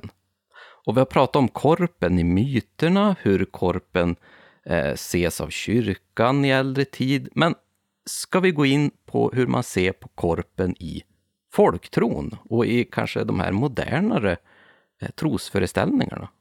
kan vi göra. Eh, det, är liksom det som kan vara svårt här, är att många av dem har liknande funktioner i folkloren. Eh, korpen har väl lite andra saker som man kan berätta om den. Men dels förknippas till djävulen, det gör ju alla tre. kanske, kanske eh, synnerligen skatan. Sen så, men någonting som finns om korpen som är intressant, som jag inte tror att man pratar om de andra två av de här tre då, om jag tar eh, korp, kråka och skata. Så korpen finns det någonting som man har en magisk korpsten som eh, är förknippad till den. Ja, precis. Det är, det är en speciell grej. Och, och, det är ju en sån här typisk eftertraktad eh, magisk egenskap som jag förstår, att man kan bli osynlig. Men det är väl ett mm. speciellt sätt man ska få tag på den här stenen. Och vart, vart finns stenen egentligen? Oj, det är olika. Det här är alltså... Korpstenar finns berättas över stora delar av Europa. Och de har lite olika form, eh, man har berättat om dem. En del säger att eh, en korp som i Tyskland, att den är, den är 100 år så bildas en eh, korpsten. Och att den, ja, den lägger en korpsten då, vart tionde år kommer ytterligare ett. Men här i Sverige är det vanligare att den kanske har den under sin tunga eller i sitt bo. Mm. Och det kan den göra sig osynlig med. Det är ju en osynlighetssten samtidigt som en korpsten, så det är, det som, det är därför den är så åtråvärd också. Jag för mig att jag läste någonstans också att eh, det kunde vara eh, korpens ögonsten. Och det här med ögonsten kanske man funderar, men brukar man inte kalla barna för sin ögonsten? Eh, men en mm. ögonsten förr i tiden, det var just en sten ifrån fågelns kräva. Alltså, eh, fåglarna norpar ju i sig lite sten för att lättare kunna mala maten ner i magen. Och de här mals och snurrar runt så himla mycket så att de blir jätte, jätte, jättesläta. Och en ögonsten var just en sån här sten som kom ifrån krävan på en fågel, som var jätteslät, vilket kunde göra att du kunde plocka bort skräp ifrån ögat med den, för att den var så slät och liksom inte kunde förstöra någonting. Och då gjorde ju den också väldigt värdefull, att du hade den här, så det blev ju liksom en liten ögonsten. Då. Men att den här korpens magiska sten här som kunde göra folk osynliga skulle kunna vara då eh, korpens eh, krävsten också då, som, som, som grund på något sätt. Någonting som lägger i grunden för många av de här är en del berättelser för att en del korpar föds vita. Det berättade mm. faktiskt redan Olaus Magnus om. Han, då, då menar han på att på Island finns det vita korpar och där finns massa vita djur. Han säger att det finns isbjörnar där också, vilket ju sällan mm. gör om de inte har eh, glidit dit på ett isblock. Det har ju faktiskt hänt. Eh, men eh, det, om de föder en vit korp här enligt folktron, eller om det kommer en vit korpunge så kommer alltså blir, blir föräldrarna blyga. Eh, och då ska inte människa få se det här att de är vita, utan då, där, därav så liksom förvandlas de, blir de osynliga med en korpsten tills de har fått sin rätta färg, för de tänktes bli svarta med tiden. Men om, kan man då få tag på den här stenen så kan man ju själv bli osynlig. Men det finns ju andra varianter på att man får tag på den här, att den har den under sin tunga. Och skjuter man en korp ska man försöka få tag på den här stenen innan korpen sväljer den. Mm. Eh, ett, och så finns det ett knep för att få tag på den här stenen. Det är att, eh, att stjäla ett korpägg. Och det ska man lägga under en höna. Eh, okay. Snart kommer då korpen komma dit och vill ha tillbaka sitt ägg. Och då gäller det att passa på och där snabbt som mm. attan och ta, ta den. I, en annan variant är att man fångar en korpunge och så binder man ett långt snöre om dess ena fot. Eh, man drar sig sedan undan så långt som snöret är långt och man väntar där en stund. Och följer man nu snöret tillbaka så ser man inte korpungen eftersom korpen redan har varit där och eh, då lagt en sån här osynlig en korpsten under ungens eh, tunga. Men ungen finns ju kvar där som man har snöret. Och då är det lätt att fånga och ta, ta, ta, det här, ta den här stenen. Så det, det är någonting som är typiskt för korpen i alla fall. Och jag tycker inte att eh, vi ska eh, uppvigla folk att fara runt och stjäla korpars eh, ungar. Det tycker jag absolut inte, och speciellt inte deras ägg heller. Det finns ju en hel del magiska egenskaper just hos de här kråkfåglarna. Och som du sa så är det ju många av de här egenskaperna går ju igen både hos kråkor och skater och, och men även korpen har ju de här magiska egenskaperna att olika delar till exempel av korpen eh, kunde man utnyttja till magiska egenskaper, olika dekokter mm. för att hela och liknande. Har vi några exempel på det också? Ja, det är tanken om att man kunde få tag på ett korphjärta och så kunde man torka det och smula sönder det så skulle det kunna användas i olika magiska preparat. Mm -hmm. Det finns ju fortfarande ja, nej, men olika delar och det här går också igen på de olika fåglarna. Så att de har, kan användas i magiska ritualer och i, ehm, ja, folkmedicinen faktiskt, till, som läkemedel till olika saker. Eh, är det här någonting som är väldigt typiskt just för, för fåglar, att de har de här magiska egenskaperna, eller är det oavsett vilka djur vi pratar om, att de har de här, man kan använda olika delar av djuret som för läkemedel? Eller? Ja, i, i folkmedicinen och i olika botemedel så kan man ju då använda sig av olika djurdelar och det finns olika delar på olika djur. Så att man kan säga att kråkfåglar är väl lite extra laddade på sina sätt. Men det, det är ju långt ifrån de enda djuren som man tar delar ifrån för att eh, ut, utföra olika magiska ritualer. Det är ju kanske väldigt tur att många av de här kråkfåglarna är skyddade så att eh, man får faktiskt inte göra de här eh, fåglarna illa. Så att, eh, försök inte att hitta på någon medicin med det här nu. Men korpen räknas ju också som en olyckans fågel i folktron. Var kommer det ifrån? Det gör faktiskt eh, alla kråkfåglar. Mm. Eller de här. Det är olycksfåglar, eh, dårfåglar i vissa fall. Men eh, det, det, som jag sa tidigare så kommer, finns det ju motsvarande saker redan i fornnordiska diktningen med kråkor då. Så att uttrycket olyckskorp kommer med sannolikt av det, alltså mötet med korpen som kan då i vissa trakter och på vissa håll då förknippas med olycka. Om man ser och det har ju med stor sannolikhet att göra med att det är en asätande fågel. Och De blir liksom kopplad mycket till, till döden och, och Ja, och sen till djävulen. liksom. Ja, just det. Men det finns ju det omvända också, att det kan vara en lyckofågel. Eh, mm. Beroende på vart, inte minst gäller det skatorna. Vi kommer kanske komma in något mer på skator, om vi ska försöka koncentrera det. Det, det är väldigt svårt tycker jag när det gäller kråkfåglar, för att de går liksom lite grann in i varandra. Mm. Delvis här. Men just korpen och kanske även kråkan här har ju en väldigt mörk färg och den har ju spelat stor roll också i de här trosföreställningarna. Hur man, hur man ser på de här kråkfåglarna. Eh, och kanske även kopplat lite just till varför man tycker att det är en olyckans fågel. Den är ju kolsvart. Finns några vita eh, korpar så är de ju väldigt, väldigt sällsynt. Jo, det, det här, vi pratade förut om Noak eh, och att den här i vissa berättelsetraditioner kring det att korpen gjorde någonting annat, typ hittade ett kadaver och, och smaskade på istället för att flyga tillbaka.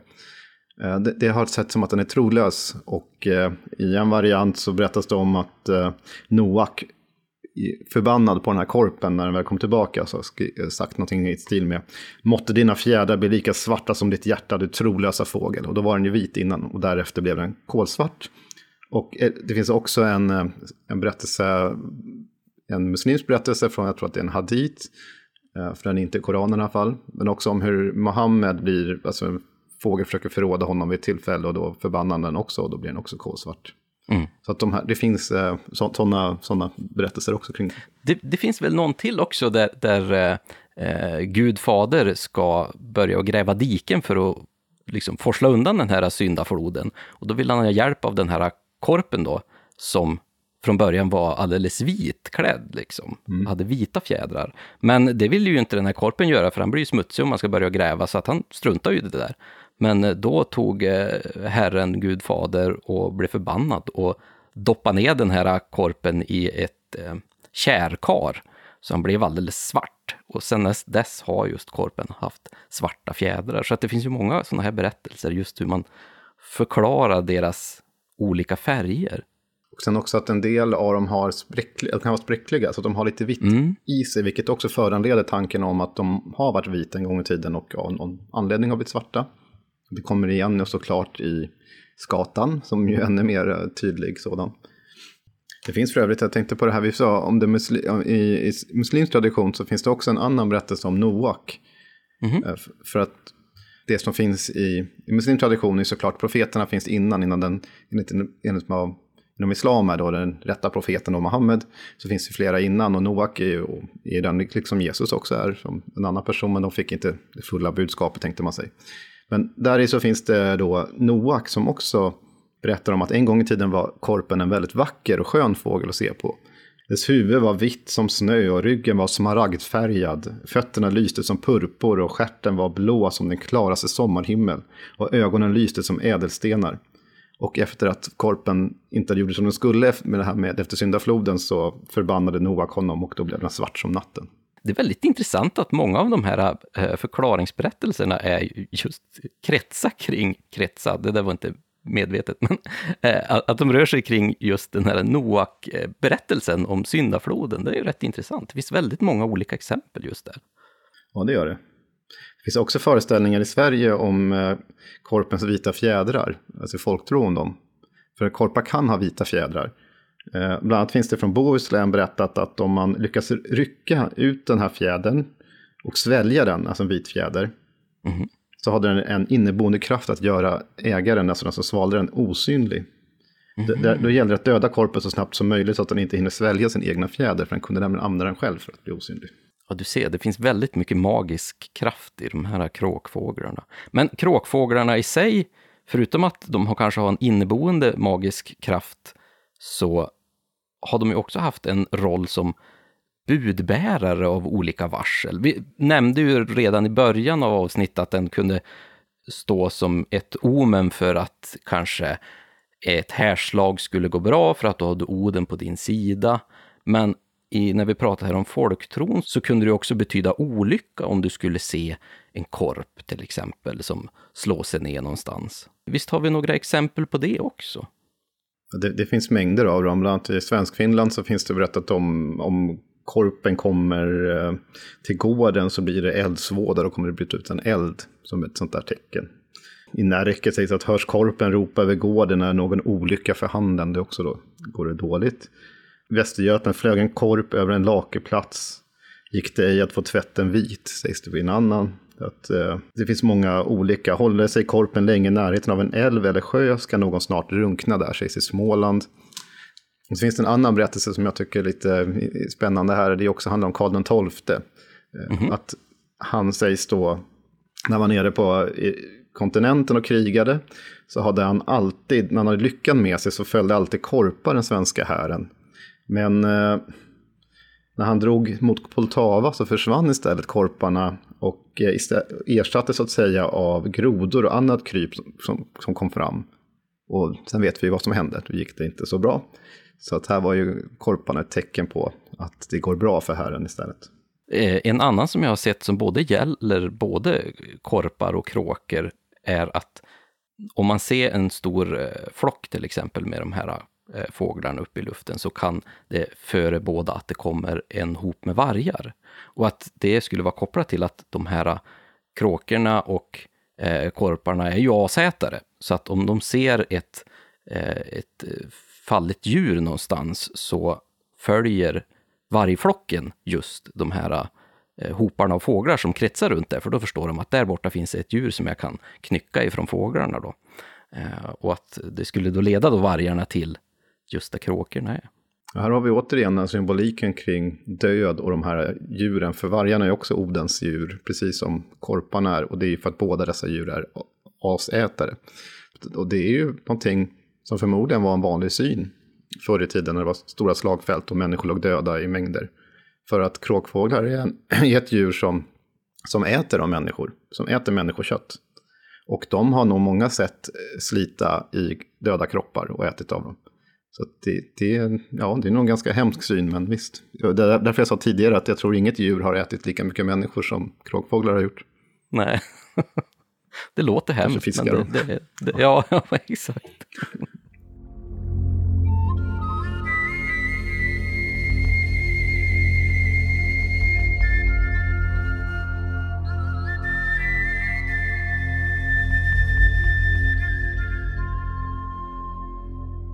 Men det finns något annat också. Det gäller ju inte bara korparna, men det gäller ju kråkfåglar generellt. Att man kunde också ta olika vädertydor av dem, beroende på. Mm. Och det här är så himla splittrat så det är väldigt blandat. Men att man kunde tänka sig, flög den norrut, alltså korpen, kunde man vänta sig storm och oväder. Men drog den söderöver fick man sol och vackert väder. I Danmark sägs det exempelvis att de samlas i stora flockar får man en sträng vinter. Och man hör dem skrika, alltså korpen vintertid, är det snart mildväder att vänta. När vi ändå pratar om folktro så jag kom på att jag har ju faktiskt en... Jag tänkte egentligen att vi skulle inleda med det här, men vi kan ta det nu, det spelar ingen roll. Det finns en sån här, en... en bra samling om folktro från 1800-talet av Leonard Fredrik Räf, eh, då, som heter, från en bok som heter Svenska skrock och signerier som kom ut långt senare. Det här är 1800-talsberättelser och han har gjort så att man kan slå på olika ord i den. Och det här tänkte jag bara läsa upp, för han har en ingång på korp och han har en på skata. Det kan vara lite kul för att få det här blandade om folktro. Och korp skriver han så här. Att skjuta på en korp eller vilket annat fullkomligt svart djur som helst skämmer bössan. Han Har fått in. Och så skriver han så här. Ut i honom, alltså korpen, bor själen av en människa som blivit hemligen nedgrävd av en mördare. Vilken icke kunna upptäckas och betraktas därför såsom ett fridlyst djur. Och så på skatan har han. Skatorna fara vid Olofsmässan till Blåkulla. Att indraga höet åt fan varav oket bortnöter fjädren på halsen. Och så säger han. Skatorna fara till Blåkulla Olofsmässotiden då Pocker, alltså djävulen, plockar fjädrarna av dem. Man bör icke skjuta skator medan de anses som hemdjur och de andra kreaturen skulle därför vantrivas.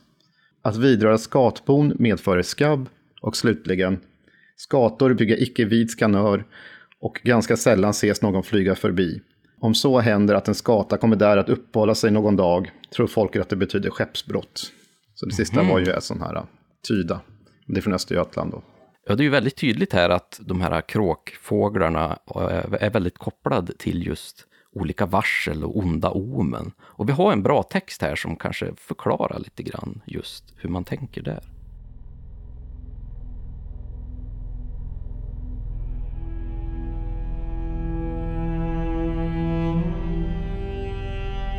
alla de skilda arterna av korpsläktet. Men förnämligast ramnen eller korpen, kajan och skatan, vilka såsom asfåglar åto av de blodiga liken betraktades nämligen än idag av allmogen såsom heliga och deras ofredande eller dödande tros föra ofärd med sig. Man säger om dem att det är Odens fåglar eller Pockers följe eller höra fanen till och att vid Olofs mesotid Oden eller Skam, Pocker, Fanen har dem i åtta dagar hos sig eller synar dem i Häckenfjäll eller Blåkulla där han plockar fjädrarna av dem och även tager det fetaste för att på dem koka soppa. Detta är orsaken var före alla skator som man får se vid denna tid på året är nakna och skalliga om halsen. Särdeles för korpen har man ännu en med fruktan blandad vördnad och ofredandet av hans näste eller dödandet av fågeln själv anses bringa säker olycka. Höres korpen klonka över gården eller om korpar hugga sinsemellan så bådar det intet gott. Höras korpar på kyrkovägen så spörjes någon död låta korpar höra sig när lik föres till graven, liksom ifall då det blir oväder tros den avlidne icke hava dött väl. Korpen sättes således ännu alltjämt av folktron i förbindelse med dunkla minnen av forntida hedendom. Även skatan är en betydelsefull fågel och skyddad av ett uråldrigt föreställningssätt. Hennes bo, som ofta var byggt i det vid varje gård stående gamla vårdträdet, måtte ej av någon röras. River någon ett skatbo så tros han bliva skabbig. Om skator skjutas tror man att det blir olycka på hästarna. Höres skatorna tjattra så båda det främmande. Men sker det nattetid så stundar någon stor olycka.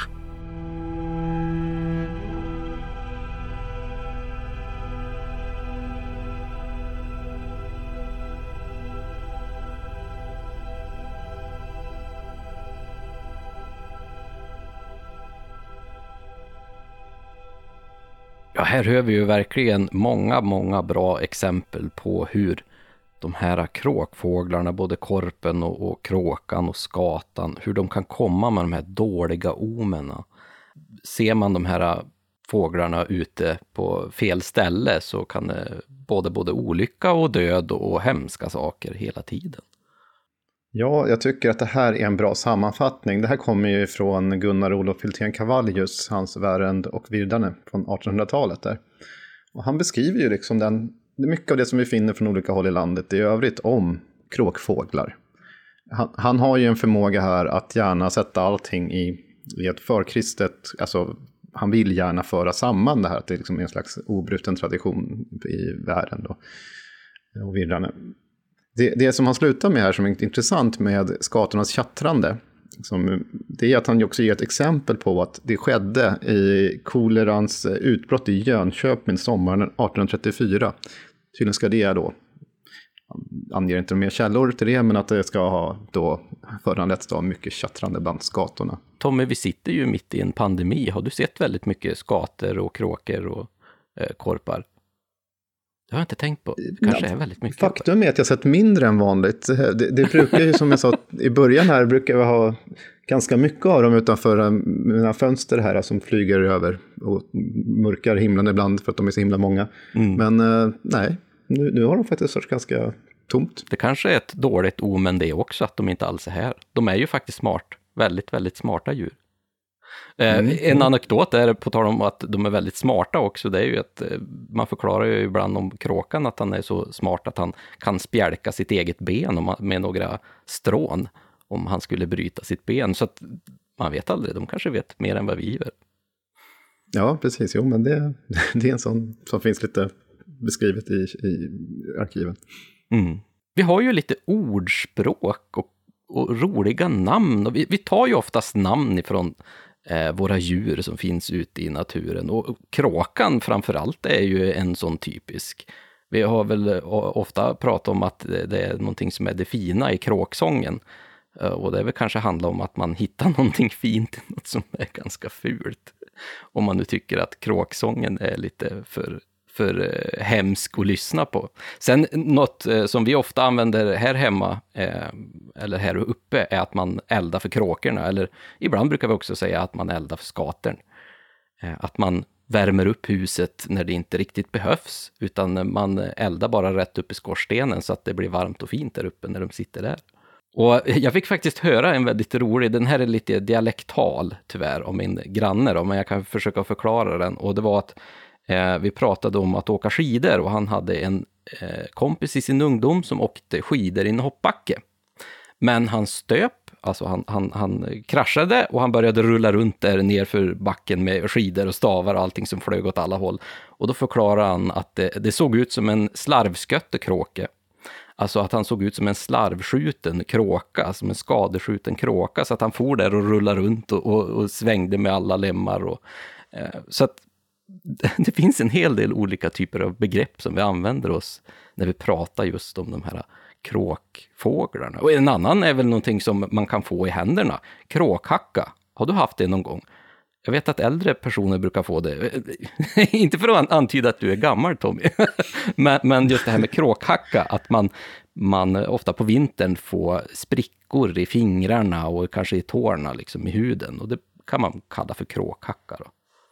Det finns mycket man skulle kunna likna, man har ju mycket liknelser med djurriket överlag. Och man kan ju också prata om skatbon i håret och liksom, mm. du sa ju där, men det är ju sällan kråkfåglarna på något sätt eh, anspelar på någonting fint och positivt.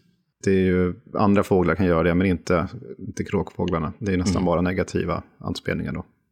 Det är lite ofta så tycker jag. Det är ungefär som att man, man gör ett hundjobb. Eh, varför ska hunden stå i dåliga dagar för att den gör ett gott jobb? I och för sig så kan man vara trogen som en hund också. Så att, men eh, har ni tips eh, eller några lokala sådana här ordspråk hos er just kring kråkfåglar, om, om skater eller kråkor?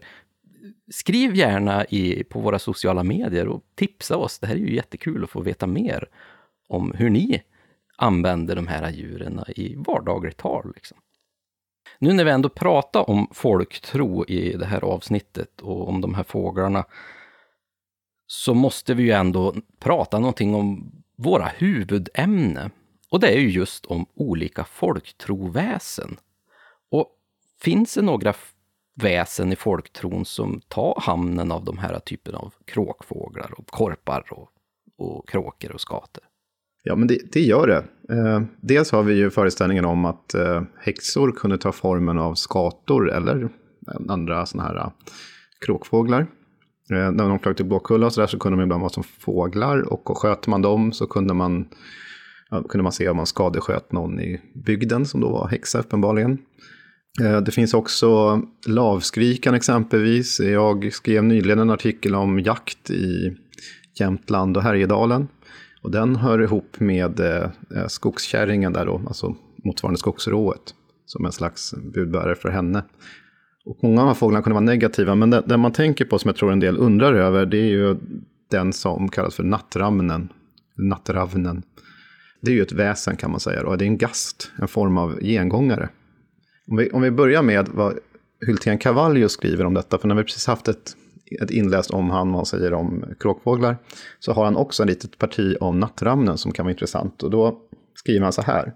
En annan gast, som likaledes uppenbarar sig i skepnaden av ett fågelväsen, får i världen namn av nattramnen. Vilken svensk fågelart som närmast menas med detta mytiska väsen kunde vi dock ej bestämt angiva. Förmodligen någon art snäppa eller beckasin. Mm -hmm. Då skriver man så här. Nattramnen är enligt folktron gasten av någon utbörding, det vill säga av något barn som efter gammal folksed blivit utburen i skogen så att det icke fått komma i vigd jord. Han visar sig blott nattetid, helst emot stora högtider och far då i luften såsom en fågel.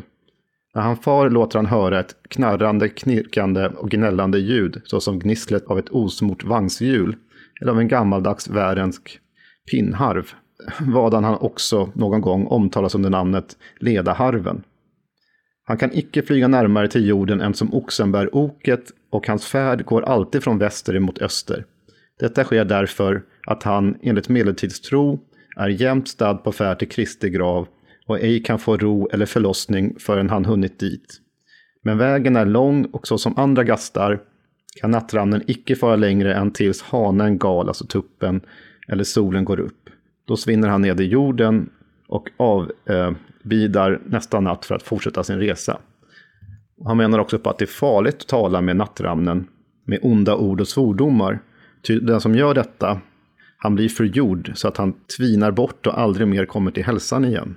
Även kan det vara farligt att möta nattramnen, ty det har hänt att han far på folk och anfaller dem, så att de med stor nöd eh, kunnat komma helbrägda till bys igen.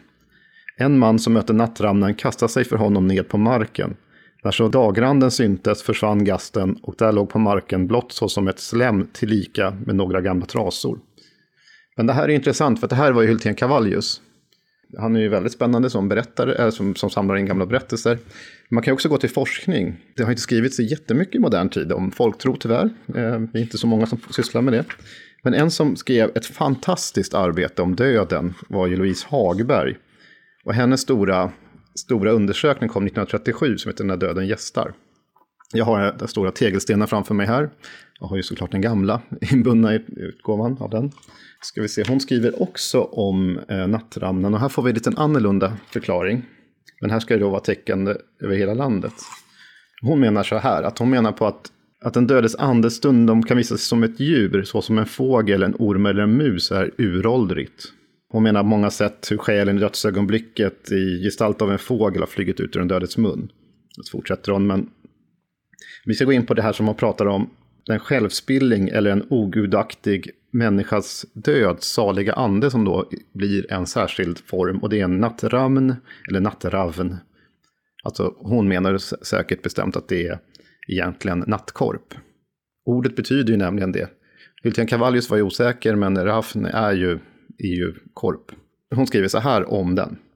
Nattravnen som brukar skria i skogskärr, vilda träsk och moras visar sig i synnerhet inemot stora högtider, så det, det är ju lika. Men endast om nätterna ser man honom, ty i likhet med alla spöken kan han icke hålla på och fara längre än tills dess solen går upp och hanen gal.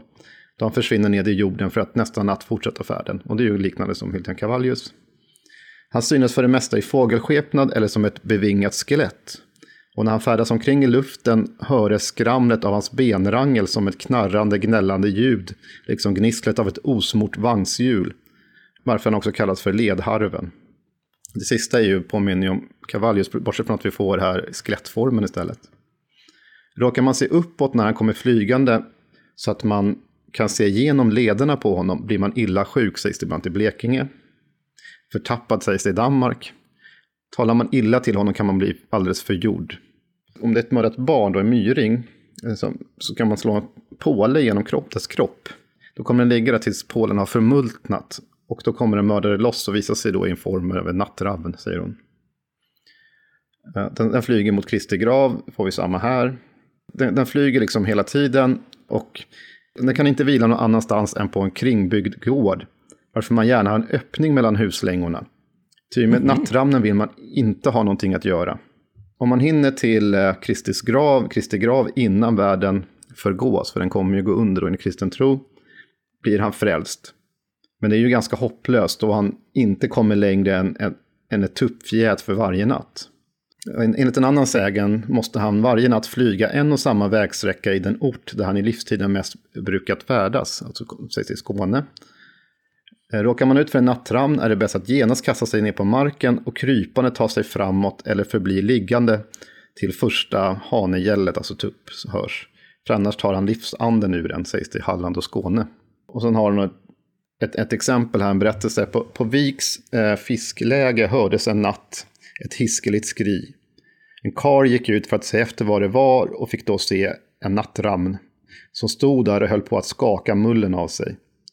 För att ramnen icke skulle ta andan av honom kastade mannen sig genast en näsgrus ned med ansiktet mot marken, grävde ett hål i jorden och andades där i. Hade han inte gjort detta hade han råkat riktigt illa ut. Och sen säger han att man kan nattetid höra ett, ett äh, häftigt susande i luften, liksom av förföljda fåglars ängsliga flykt. Och då menar de på att det är då eh, de här nattkorparna, nattravnarna som hörs.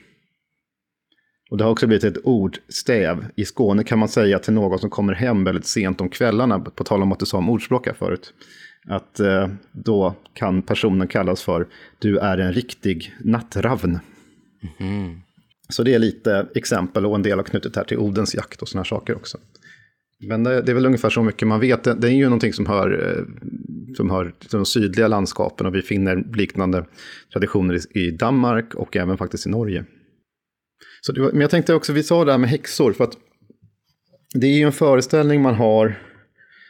Eh, det, finns, det, det går ganska långt tillbaka till hos Grimms samling av sägner. Så berättas om en tysk person, en kvinna, från Lüttich som avrättades 1610. En man och en kvinna var, båda avrättades. För de två hade sprungit runt i formen av vargar. Men, men deras son, som var 12 år gammal, följde med dem i formen av en korp, sägs det här. Mm -hmm. Lite spännande. Sen finns det en kvinna som hette Isobel Gaudi, en, en skotsk kvinna. Som erkände under tortyr, får man väl anta, häxeri då, 1662 och sa att eh, kråkor var den, den föredragna formen som häxorna hade när de reste, till, reste runt på nattetid. Och sen finns det en annan berättelse som... Eh, alltså oftast är deras, eh, häxornas eh, familjarer som man säger då i Storbritannien, mindre än kråkor eller korpar. Men det finns några undantag här. En William av Mumsbury berättar om en, en, en häxa som vars familjar var en kaja. Och dess läte menar de på då ser ut och eh, imitera människornas eh, tal. Och en dag, eh, år 1065, nu är vi långt tillbaka i tid, eh, började den här fågeln, kajan, prata mer än normalt. Kvinnan släppte då sin kniv i rädsla för hon förstod, förstod av detta att hon skulle dö. Och den här dagen blev hon väldigt sjuk och eh, snart kom djävulen och bar bort henne därifrån. Så det är lite, men sen finns det ju föreställningen här också, som jag sa här, att eh, häxorna kunde också ta fågelform när de flög till Blåkulla.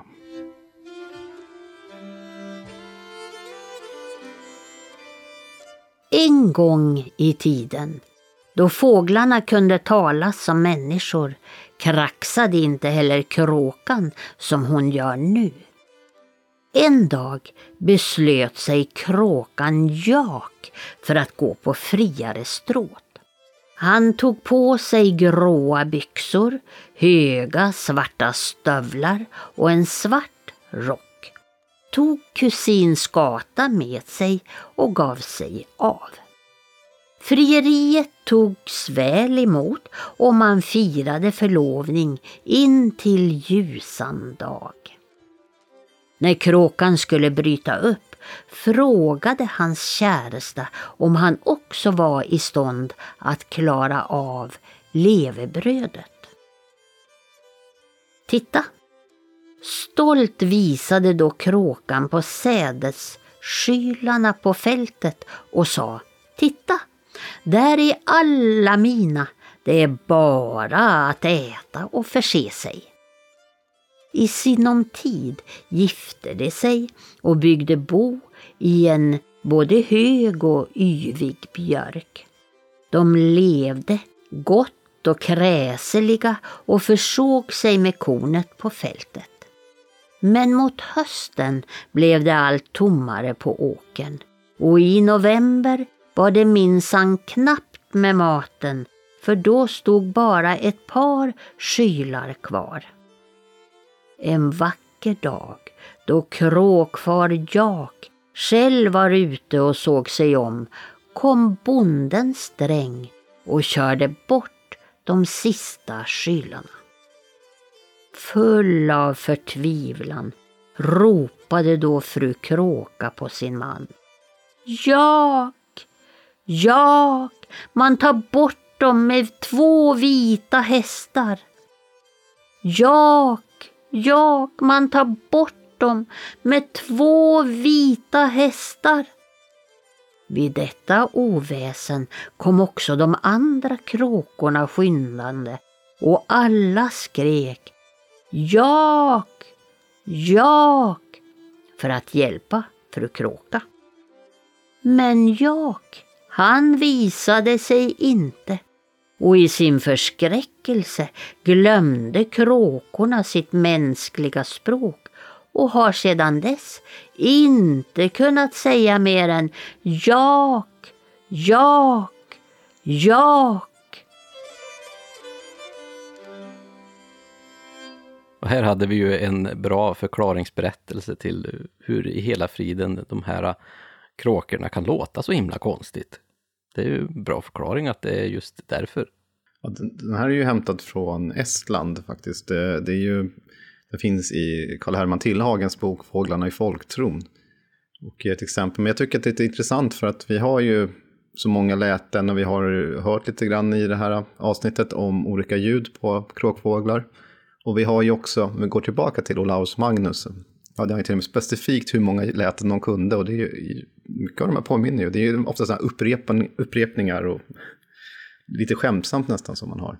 Ja, men det är ju verkligen det. Och vi kanske ändå, när vi är inne på just det, att vi pratar om hur de här kråkfåglarna låter, vi kanske ska spela en till eh, text här, där kråkorna samtalar med varandra om just en häst som de har hittat, som de är lite sugen på och just hur pratar de här med varandra, fast kanske eh, med lite mer mänskligt tal då.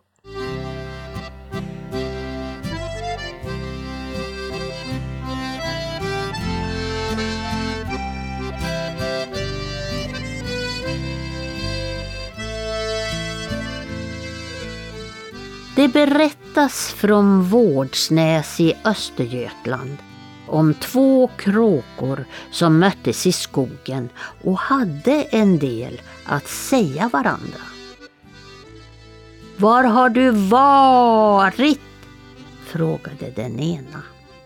I Alekär, i Alekär, sa den andra. Vad såg du där? Vad såg du där?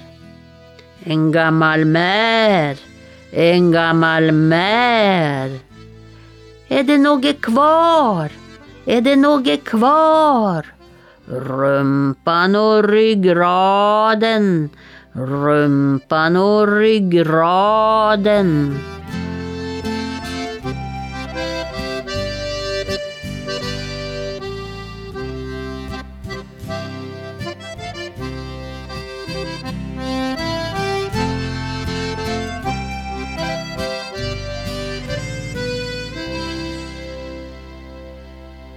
Många av de här fåglarnas läten påminner ju väldigt mycket om våra egna ord. Och det är ju väldigt tydligt och väldigt lätt att man skulle kunna komma med de här berättelserna då som förklarar liksom hur de pratar med varandra. För att det påminner ju mycket om många ord som vi själv har. Och i det här fallet jo. så är de ju sugen på den här hästen då naturligtvis, för de är ju de här asätarna. Ja, jo, det där är ju spännande. Alltså jag tänkte på ett, ett annan, en annan fågel, som en rovfågel, är ju ugglan. Och, och den sägs ju säger klävitt, eh, mm. säger man. Eh, och klävitt betyder ju, har man tolkat då som att det är båda död, för att man klädde, eller man svepte eh, liken med vitt. Men överhuvudtaget så är det ju mycket om kråkfåglarna, och kanske särskilt skatornas eh, läten. Någonting säger att Ibland kunde man dåras av att höra dem. Alltså, vissa fåglar är dårfåglar. Om man hörde dem vid vissa fel tillfällen, vissa tidpunkter, kunde man liksom bli dårad. Alltså det kunde få en negativ inverkan på personen i fråga. Och eh, någonting man hör, att det låter som att skatorna skrattar. Mm. Och det här är ju inte bra. Hörde skatans skratt kunde det leda till att folk kom i skvaller eller, eller blev osams. Sägs det bland annat i, i Värmland, vet jag, en uppteckning. Anledningen till det här är ju då förklarat med att skatan skrattade när Jesus hängde och led på korset. Så det är liksom därför som ja, jag har den här just det. För ju, just i den så, så är det väl, eh, när man berättar om eh, att Jesus led på korset, så var det väl alla världens människor och djur. Och så förutom var det ormen och skatan eller något sånt där, som inte mm. grät. Eh, det är ju en väldigt tydlig ty tydlig bild av att skatan är inte särskilt snäll. Men det är ju väldigt synd, för skatan är ju en väldigt fin fågel. Men det är väldigt mycket som är kopplat just kring skatan och fan och, och hinhåle och onda mm. varsel och allting. Men vi kan vända på det, kan vi vara lite schyssta mot skatan här också. För dess läten behöver inte alltid vara dåligt. Eh, typ om de skrattar skatorna kring huset kommer det främmande, säger man. Och det här, är ju, det här går ju tillbaka till en gammal föreställning, och också det här att där skatan bygger bo har bonden ro, är också ett gammalt ordspråk. Och, och det är för att man hade oftast, ett, sedan medeltiden så byggde ofta skator sina bon på gårdens alltså frukt, eller till och med vårdträd. Så de, de fanns ju nära gårdarna. Och det här gjorde ju också att skatan som bodde där, det är ju ett ganska vaksamt djur. Så om det kommer rovdjur eller, kring, eller till och med främmande så kommer de ge läten ifrån sig. Och det kunde också uppfattas som något positivt och det hade med bolyckan att göra. Så på en del håll skulle man inte göra sig av med skatborna, utan det var någonting positivt och gav liksom, bidrog till eh, lyckan på gården. Det kan jag absolut förstå, för det märker jag här också. Där jag bor, eh, här, så finns det väldigt mycket skator, eh, som jag berättade inledande. Och just det att eh, skatorna är ju smarta och precis som eh, många svalor till exempel som bor runt gårdar känner ju igen gårdsfolket. Vilket gör att de mm. inte är särskilt rädda för dem. Och, och, som du säger, då har ju inte skatorna någon anledning att leva om så fort de ser en människa. Utan när de ser en okänd person, då börjar de att varna och kraxa och leva om. Så det är ju nästan som en liten vakthund du har där uppe i, i eh, träden som sitter och håller koll på din gård. Så det är ju en väldigt fin bild egentligen. En, en liten skyddande fågel som finns. Mm. Och så får man ju, som vanligt med folktron så förstärks de här sakerna efter mörkrets inbrott. Så att mm. när det är mörkt eh, och särskilt vissa tider på året, då, de här magiskt laddade tiderna, så är, är det extra kraftladdat. Så att, att höra dem på natten kan vara mycket farligare än att höra dem på dagstid exempelvis.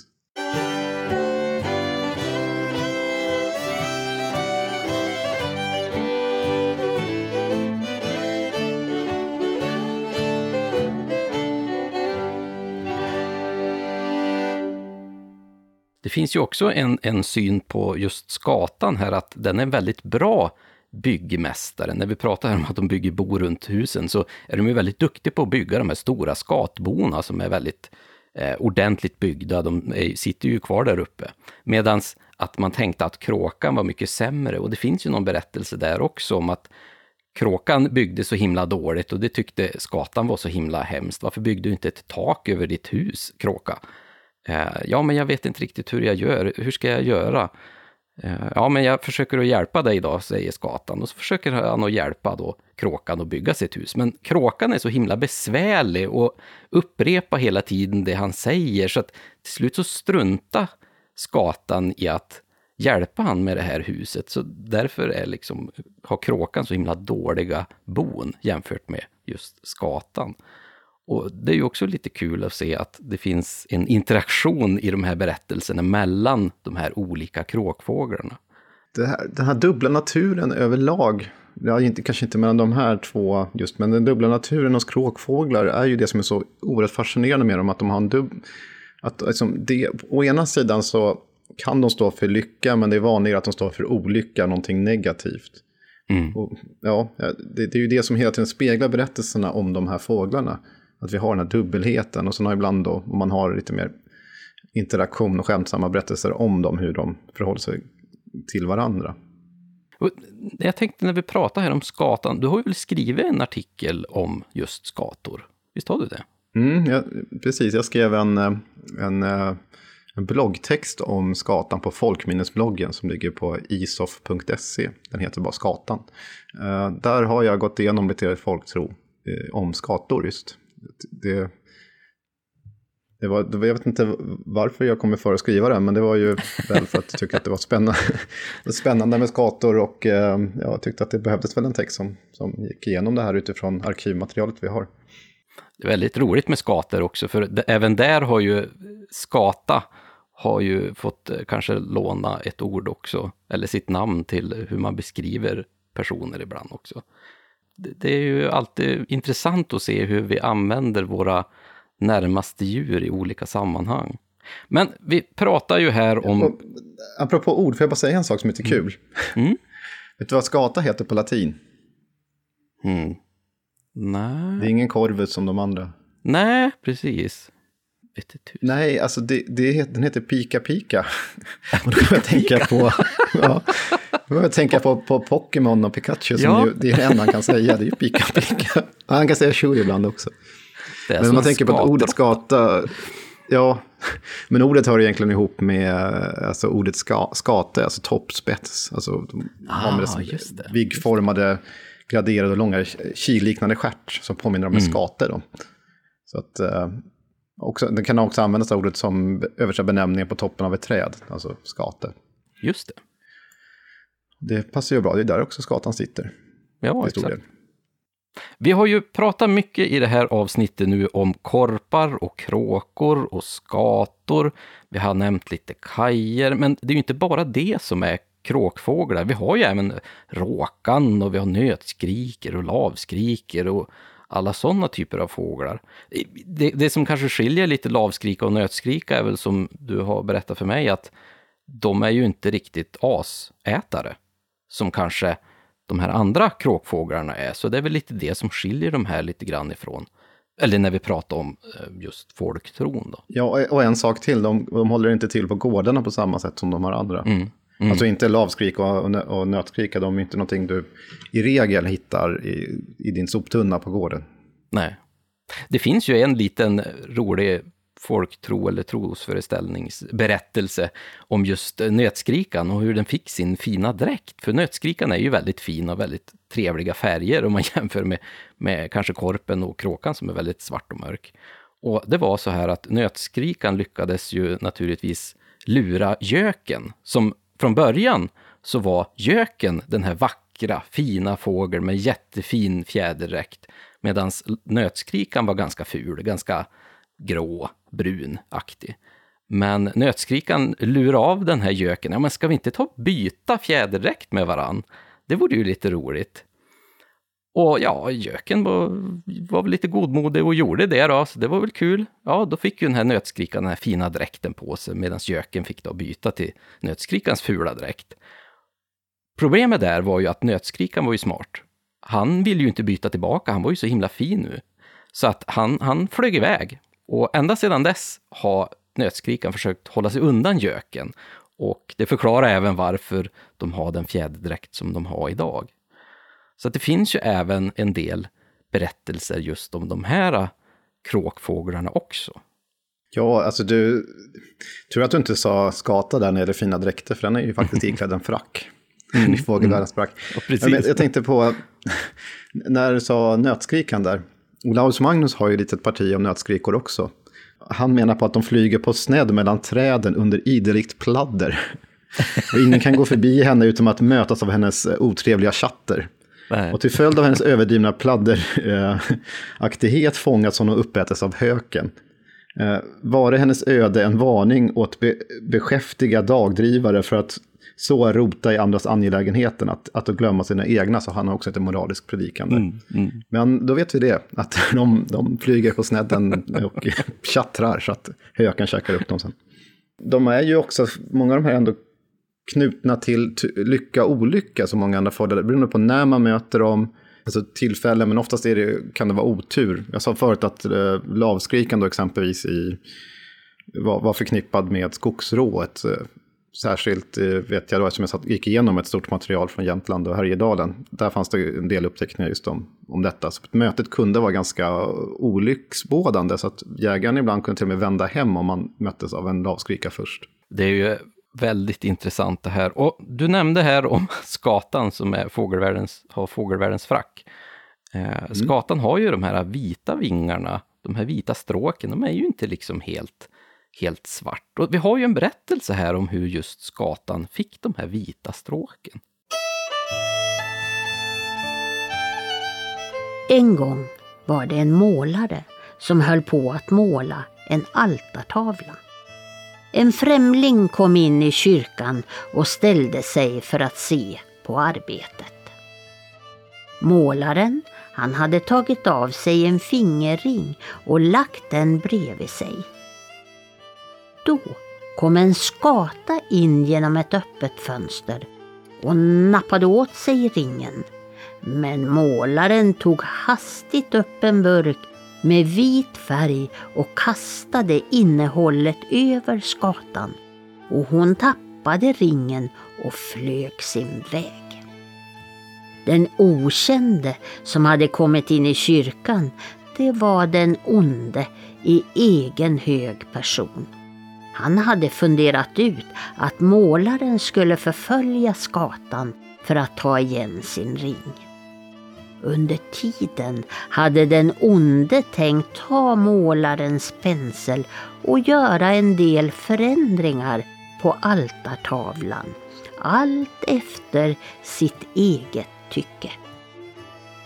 Före att detta hände, då var skatorna helt svarta över hela kroppen.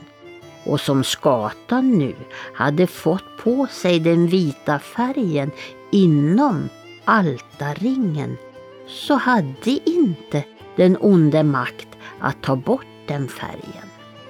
Och därför så har skatan än idag de vita ränderna kvar på sina vingar. Än en gång får vi ju höra skatans eh, samhang här tillsammans med Hinhåle, djävulen själv. Kanske, det kanske är en, en koppling där, skatan och satan. Det rimmar ju faktiskt också. Men här förklarar det ju hur han fick sina vita stråk på vingarna. Den här historien den kommer väl också från det här bok, eh, stora bokverket? Då? Nej, den kommer faktiskt från en annan. Den kommer från den jag nämnde där, Folksagan i Sverige, som ges ut av Per mm. Gustafsson och per, uh, Ulf Palmefelt, då, som är ganska ny. Eh, så det är ju, den är ganska ovanlig, skriver de här.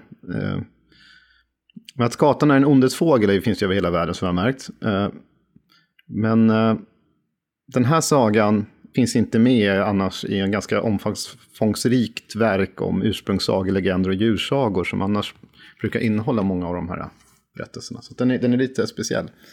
Ja, men ändå får man ju se de här egenskaperna. Man ser ju att eh, skatan tjuvaktig till exempel, flyger in där. Mm. Även om skatan i sig hade kanske en anledning då på grund av att den var skickad av eh, den onde. Men att han flög in och stal den här ringen. Som tur är så var ju då målaren ganska snabb och kastade en stor hink med färg över. Men det, det är ju överlag så kan vi kanske inte, vi har ju varit inne på det till och från, men att det gäller ju de här kråkfåglarna vi framförallt har pratat om här, att alla de anses vara tjuvaktiga. Både korpen och skatan är ju väldigt sådär äh, typiska, att de snor allting de kommer över. Så, så sånt som glittrar och glimmar. Eh, juveler, eh, guld och silver och annat som de tar med sig till sina bon. Och då finns också den här föreställningen om att deras bon ska vara någon slags eh, skatter i. Om man, om man river ner ett skatbo så kan man där i kanske finna en hel del saker som har försvunnit på gården tidigare. Mm. Silverskedar eller annat. Det kan jag tänka mig att även är lite förstärkt kanske av vår populärkultur också, skulle jag kunna tänka mig. Just det här att oh, ja. de samlar sina ägodelar där uppe i, i skatborna. Det vet jag, det känner jag igen för många sådana här barnprogram till exempel. Jo, oh, absolut. Det finns, en, det finns en annan fågel som är väldigt tjuvaktig som på riktigt, eh, eller ja, jag var inte med då, men min pappa berättade att han var ute och åt en varmkorv Mm. Och då störtdök det ner en, en, annan fågel och det var en fiskmås som stal den där korven ur hans hand så han stod kvar med ett tomt bröd. det, har man ju, det har man ju faktiskt varit med om själv. Man vill inte äta när det finns mängder av sådana i närheten. Nej, må, måsar, de är ett helt annat kapitel och där kan man verkligen prata om glupska, eh, tjuvaktiga ja. fåglar.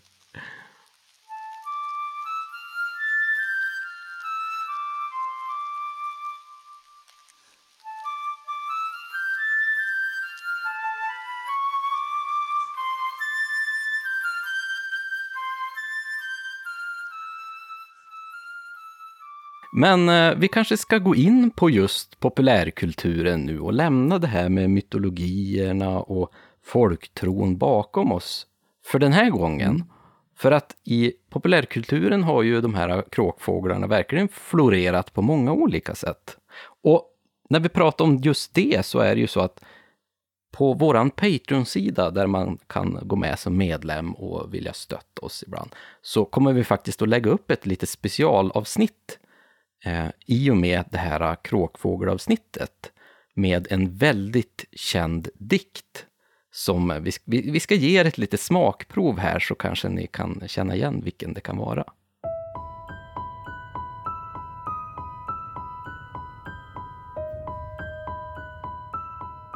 Låt de orden bli det sista, skrek jag högt med nyfödd gnista. Flyg nu genast ut i stormen, under jord du stiger ner. Lämna mig och låt mig vara, lämna inga fjädrar bara. Det betecknar svarta lögner. Bort från bysten, flyg nu ner, tag din näbb ut ur mitt hjärta och försvinn från dörren, ner. Korpen sa Aldrig mer. Korpen sitter stilla kvar nu. Sitter ännu, sitter ännu på en byst av Pallas över rummets dörr och tittar ner. Är han en demon som drömmer? Är det vad hans ögon gömmer? Lampans ljus på honom lyser och hans skugga faller ner och hans själ ur denna skugga som på golvet flyter ner ska jag höja aldrig mer.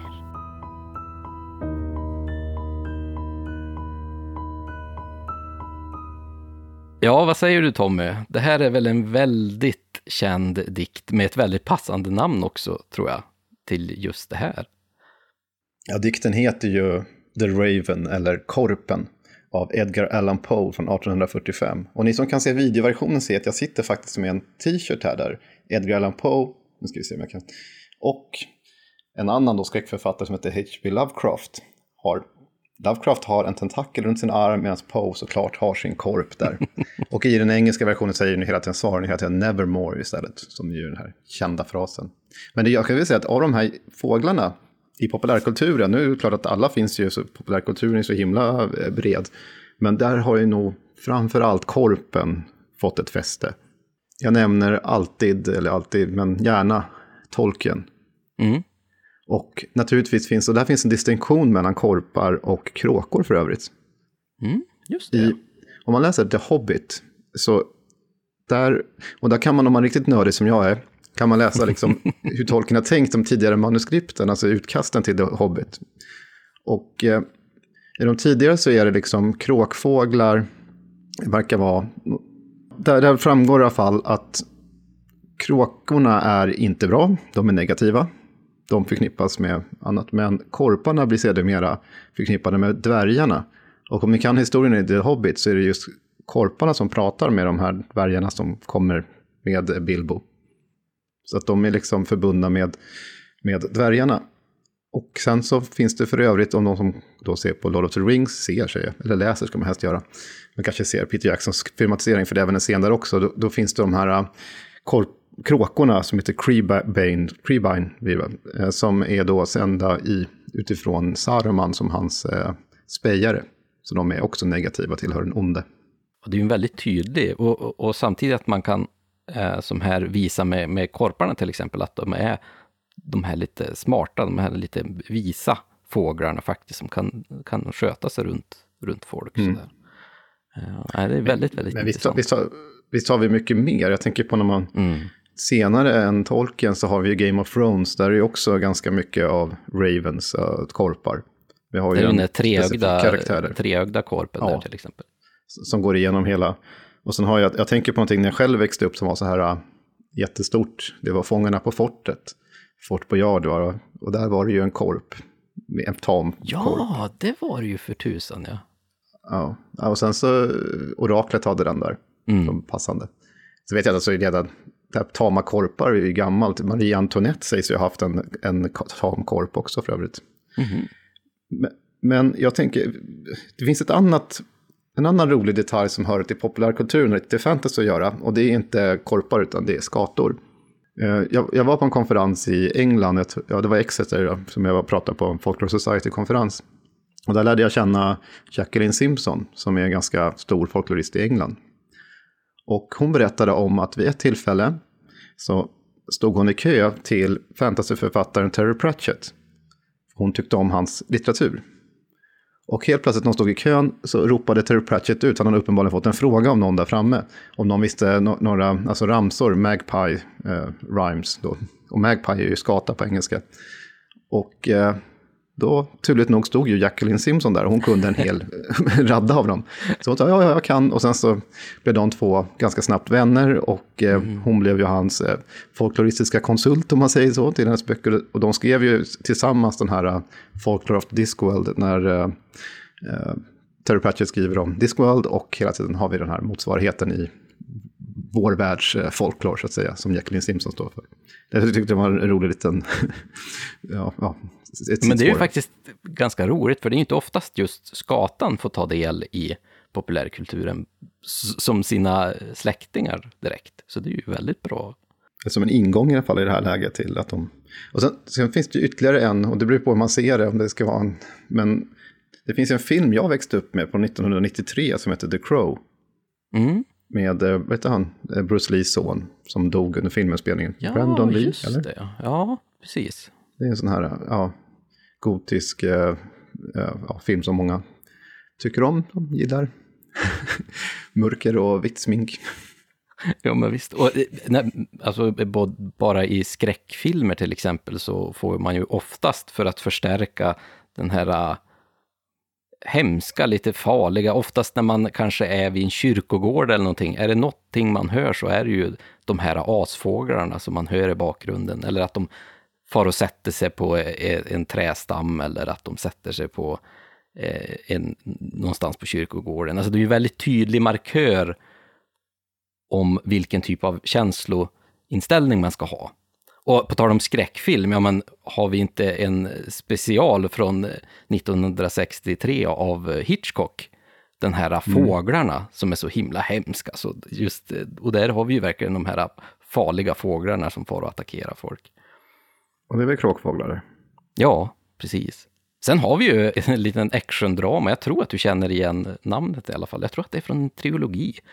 Och de, i alla fall just den här filmen har fått låna sitt namn och det är ju Korpen flyger. Det är ju en is, mm. isländsk-svensk actiondramafilm från 84. Och det som är roligt här, nu kommer jag att uttala den fel, men det är ju, den här trilogin görs ju i regi av Ravn Gunnlaugsson. Och att mm. ha just det förnamnet är lite roligt när man gör den typen av film, tycker jag. Inte bara den, att alla, det är ju en, ja, precis, hela serien har ju korpen i, i titeln. Mm. Nej, men det finns ju säkert hur mycket som helst om eh, populärkultur och eh, kråkfåglar. Men eh, det kanske är tillräckligt nu. Men, men någonting vi inte har, varit inne på, det är också att det är intelligenta djur. Mm. Jag vet att det fanns ett experiment som gjordes i Oxford eh, 2002. Det är flera på, på fåglarna. Av en som heter John Kalsenick, tror jag det uttalas. Och han hade ett experiment där liksom, det var något rör och sen så skulle, ja, hur som helst, han fick i alla fall kråkorna att eh, böja på en ståltråd så att det blev som en krok. Det gjorde de själva för att fånga upp mat. Och samma experiment kunde inte Eh, så smarta var inte ens schimpanser eller andra apor som han försökte med. Så att kråkorna var faktiskt smartare i det här läget än vad de här djuren Att just de är problemlösande. Att de hittar på, jag nämnde i början här om, om nötterna i Japan, att de lärt, har lärt sig hur man knäcker dem med, med bil, tack vare bildäcken och vet när röd och grön signal på, på äh, trafikljusen. Så att, det finns ju många exempel på experiment på kråkfåglar och som har visat sig att de har ett ganska hög intelligens. Ja, absolut. Jag, jag för mig att jag hörde ett experiment en gång i, i, som gjordes inte så länge sedan, eh, där man eh, gjorde en maskin som man ställde ut i städerna. Eh, det var i stort sett en glorifierad soptunna. Och när man stoppar ner lite skräp i den där soptunnan, så då kommer det ut lite fågelmat. Och det där lärde man ju då olika skator och kråkor och korpar som fanns i staden, alltså de här typiska kråkfåglarna. Så att eh, så fort de for och slängde i lite papper eller lite skräp så då kände ju maskinen av det och så poppade ut lite mat. Och det var ju jättebra. Sen vet jag inte riktigt hur det gick på grund av att eh, man kan ju stoppa ner mycket grejer i den där. Eh, så att det kan ju hamna dit mer än skräp naturligtvis, för det ser ju inte direkt fåglarna skillnad på. Men absolut, det har ju gjorts otroligt mycket experiment och forskning just om kråkfåglars intelligens och fåglars intelligens överlag. Men att just kråkfåglarna, de här korparna och kråkorna, är otroligt intelligenta varelser.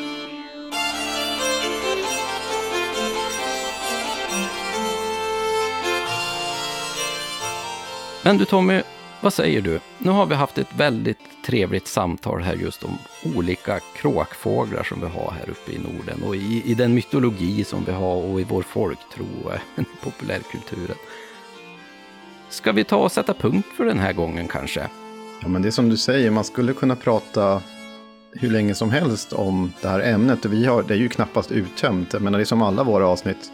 De blir ett par timmar långa, men eh, vi har ju inte, vi har skrapat på ytan. Vi har inte gått in i allt som har med de här fåglarna att göra. Det finns ju säkert jättemånga som sitter och funderar över saker som vi kanske inte ens har nämnt här. Men så, så får det ju bli. Det går inte. Vi kan inte sitta i fem timmar varje gång och prata. Och det kanske inte ens räcker det heller. Så att vi får lämna kråkfåglarna för den här gången.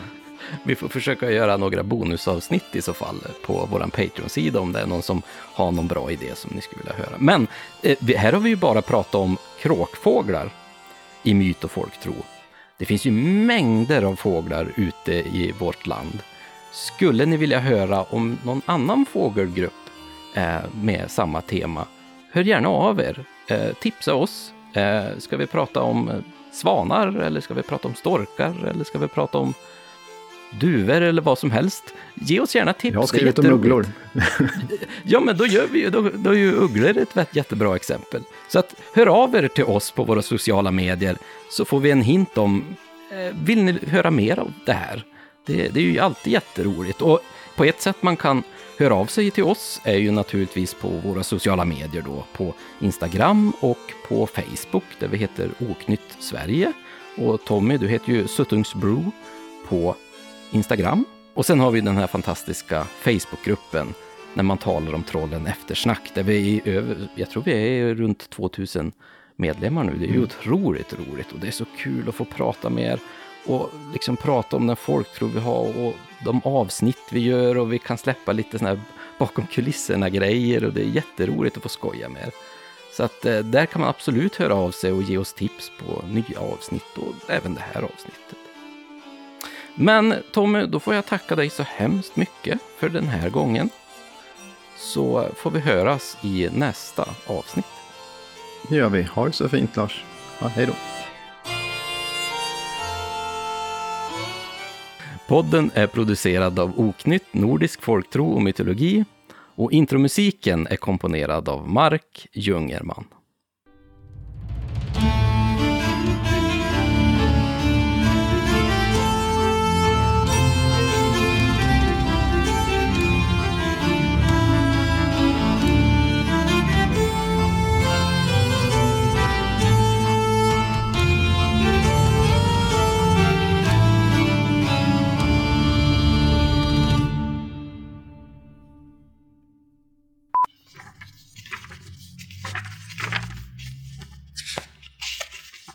Varför sätter man inga lappar för?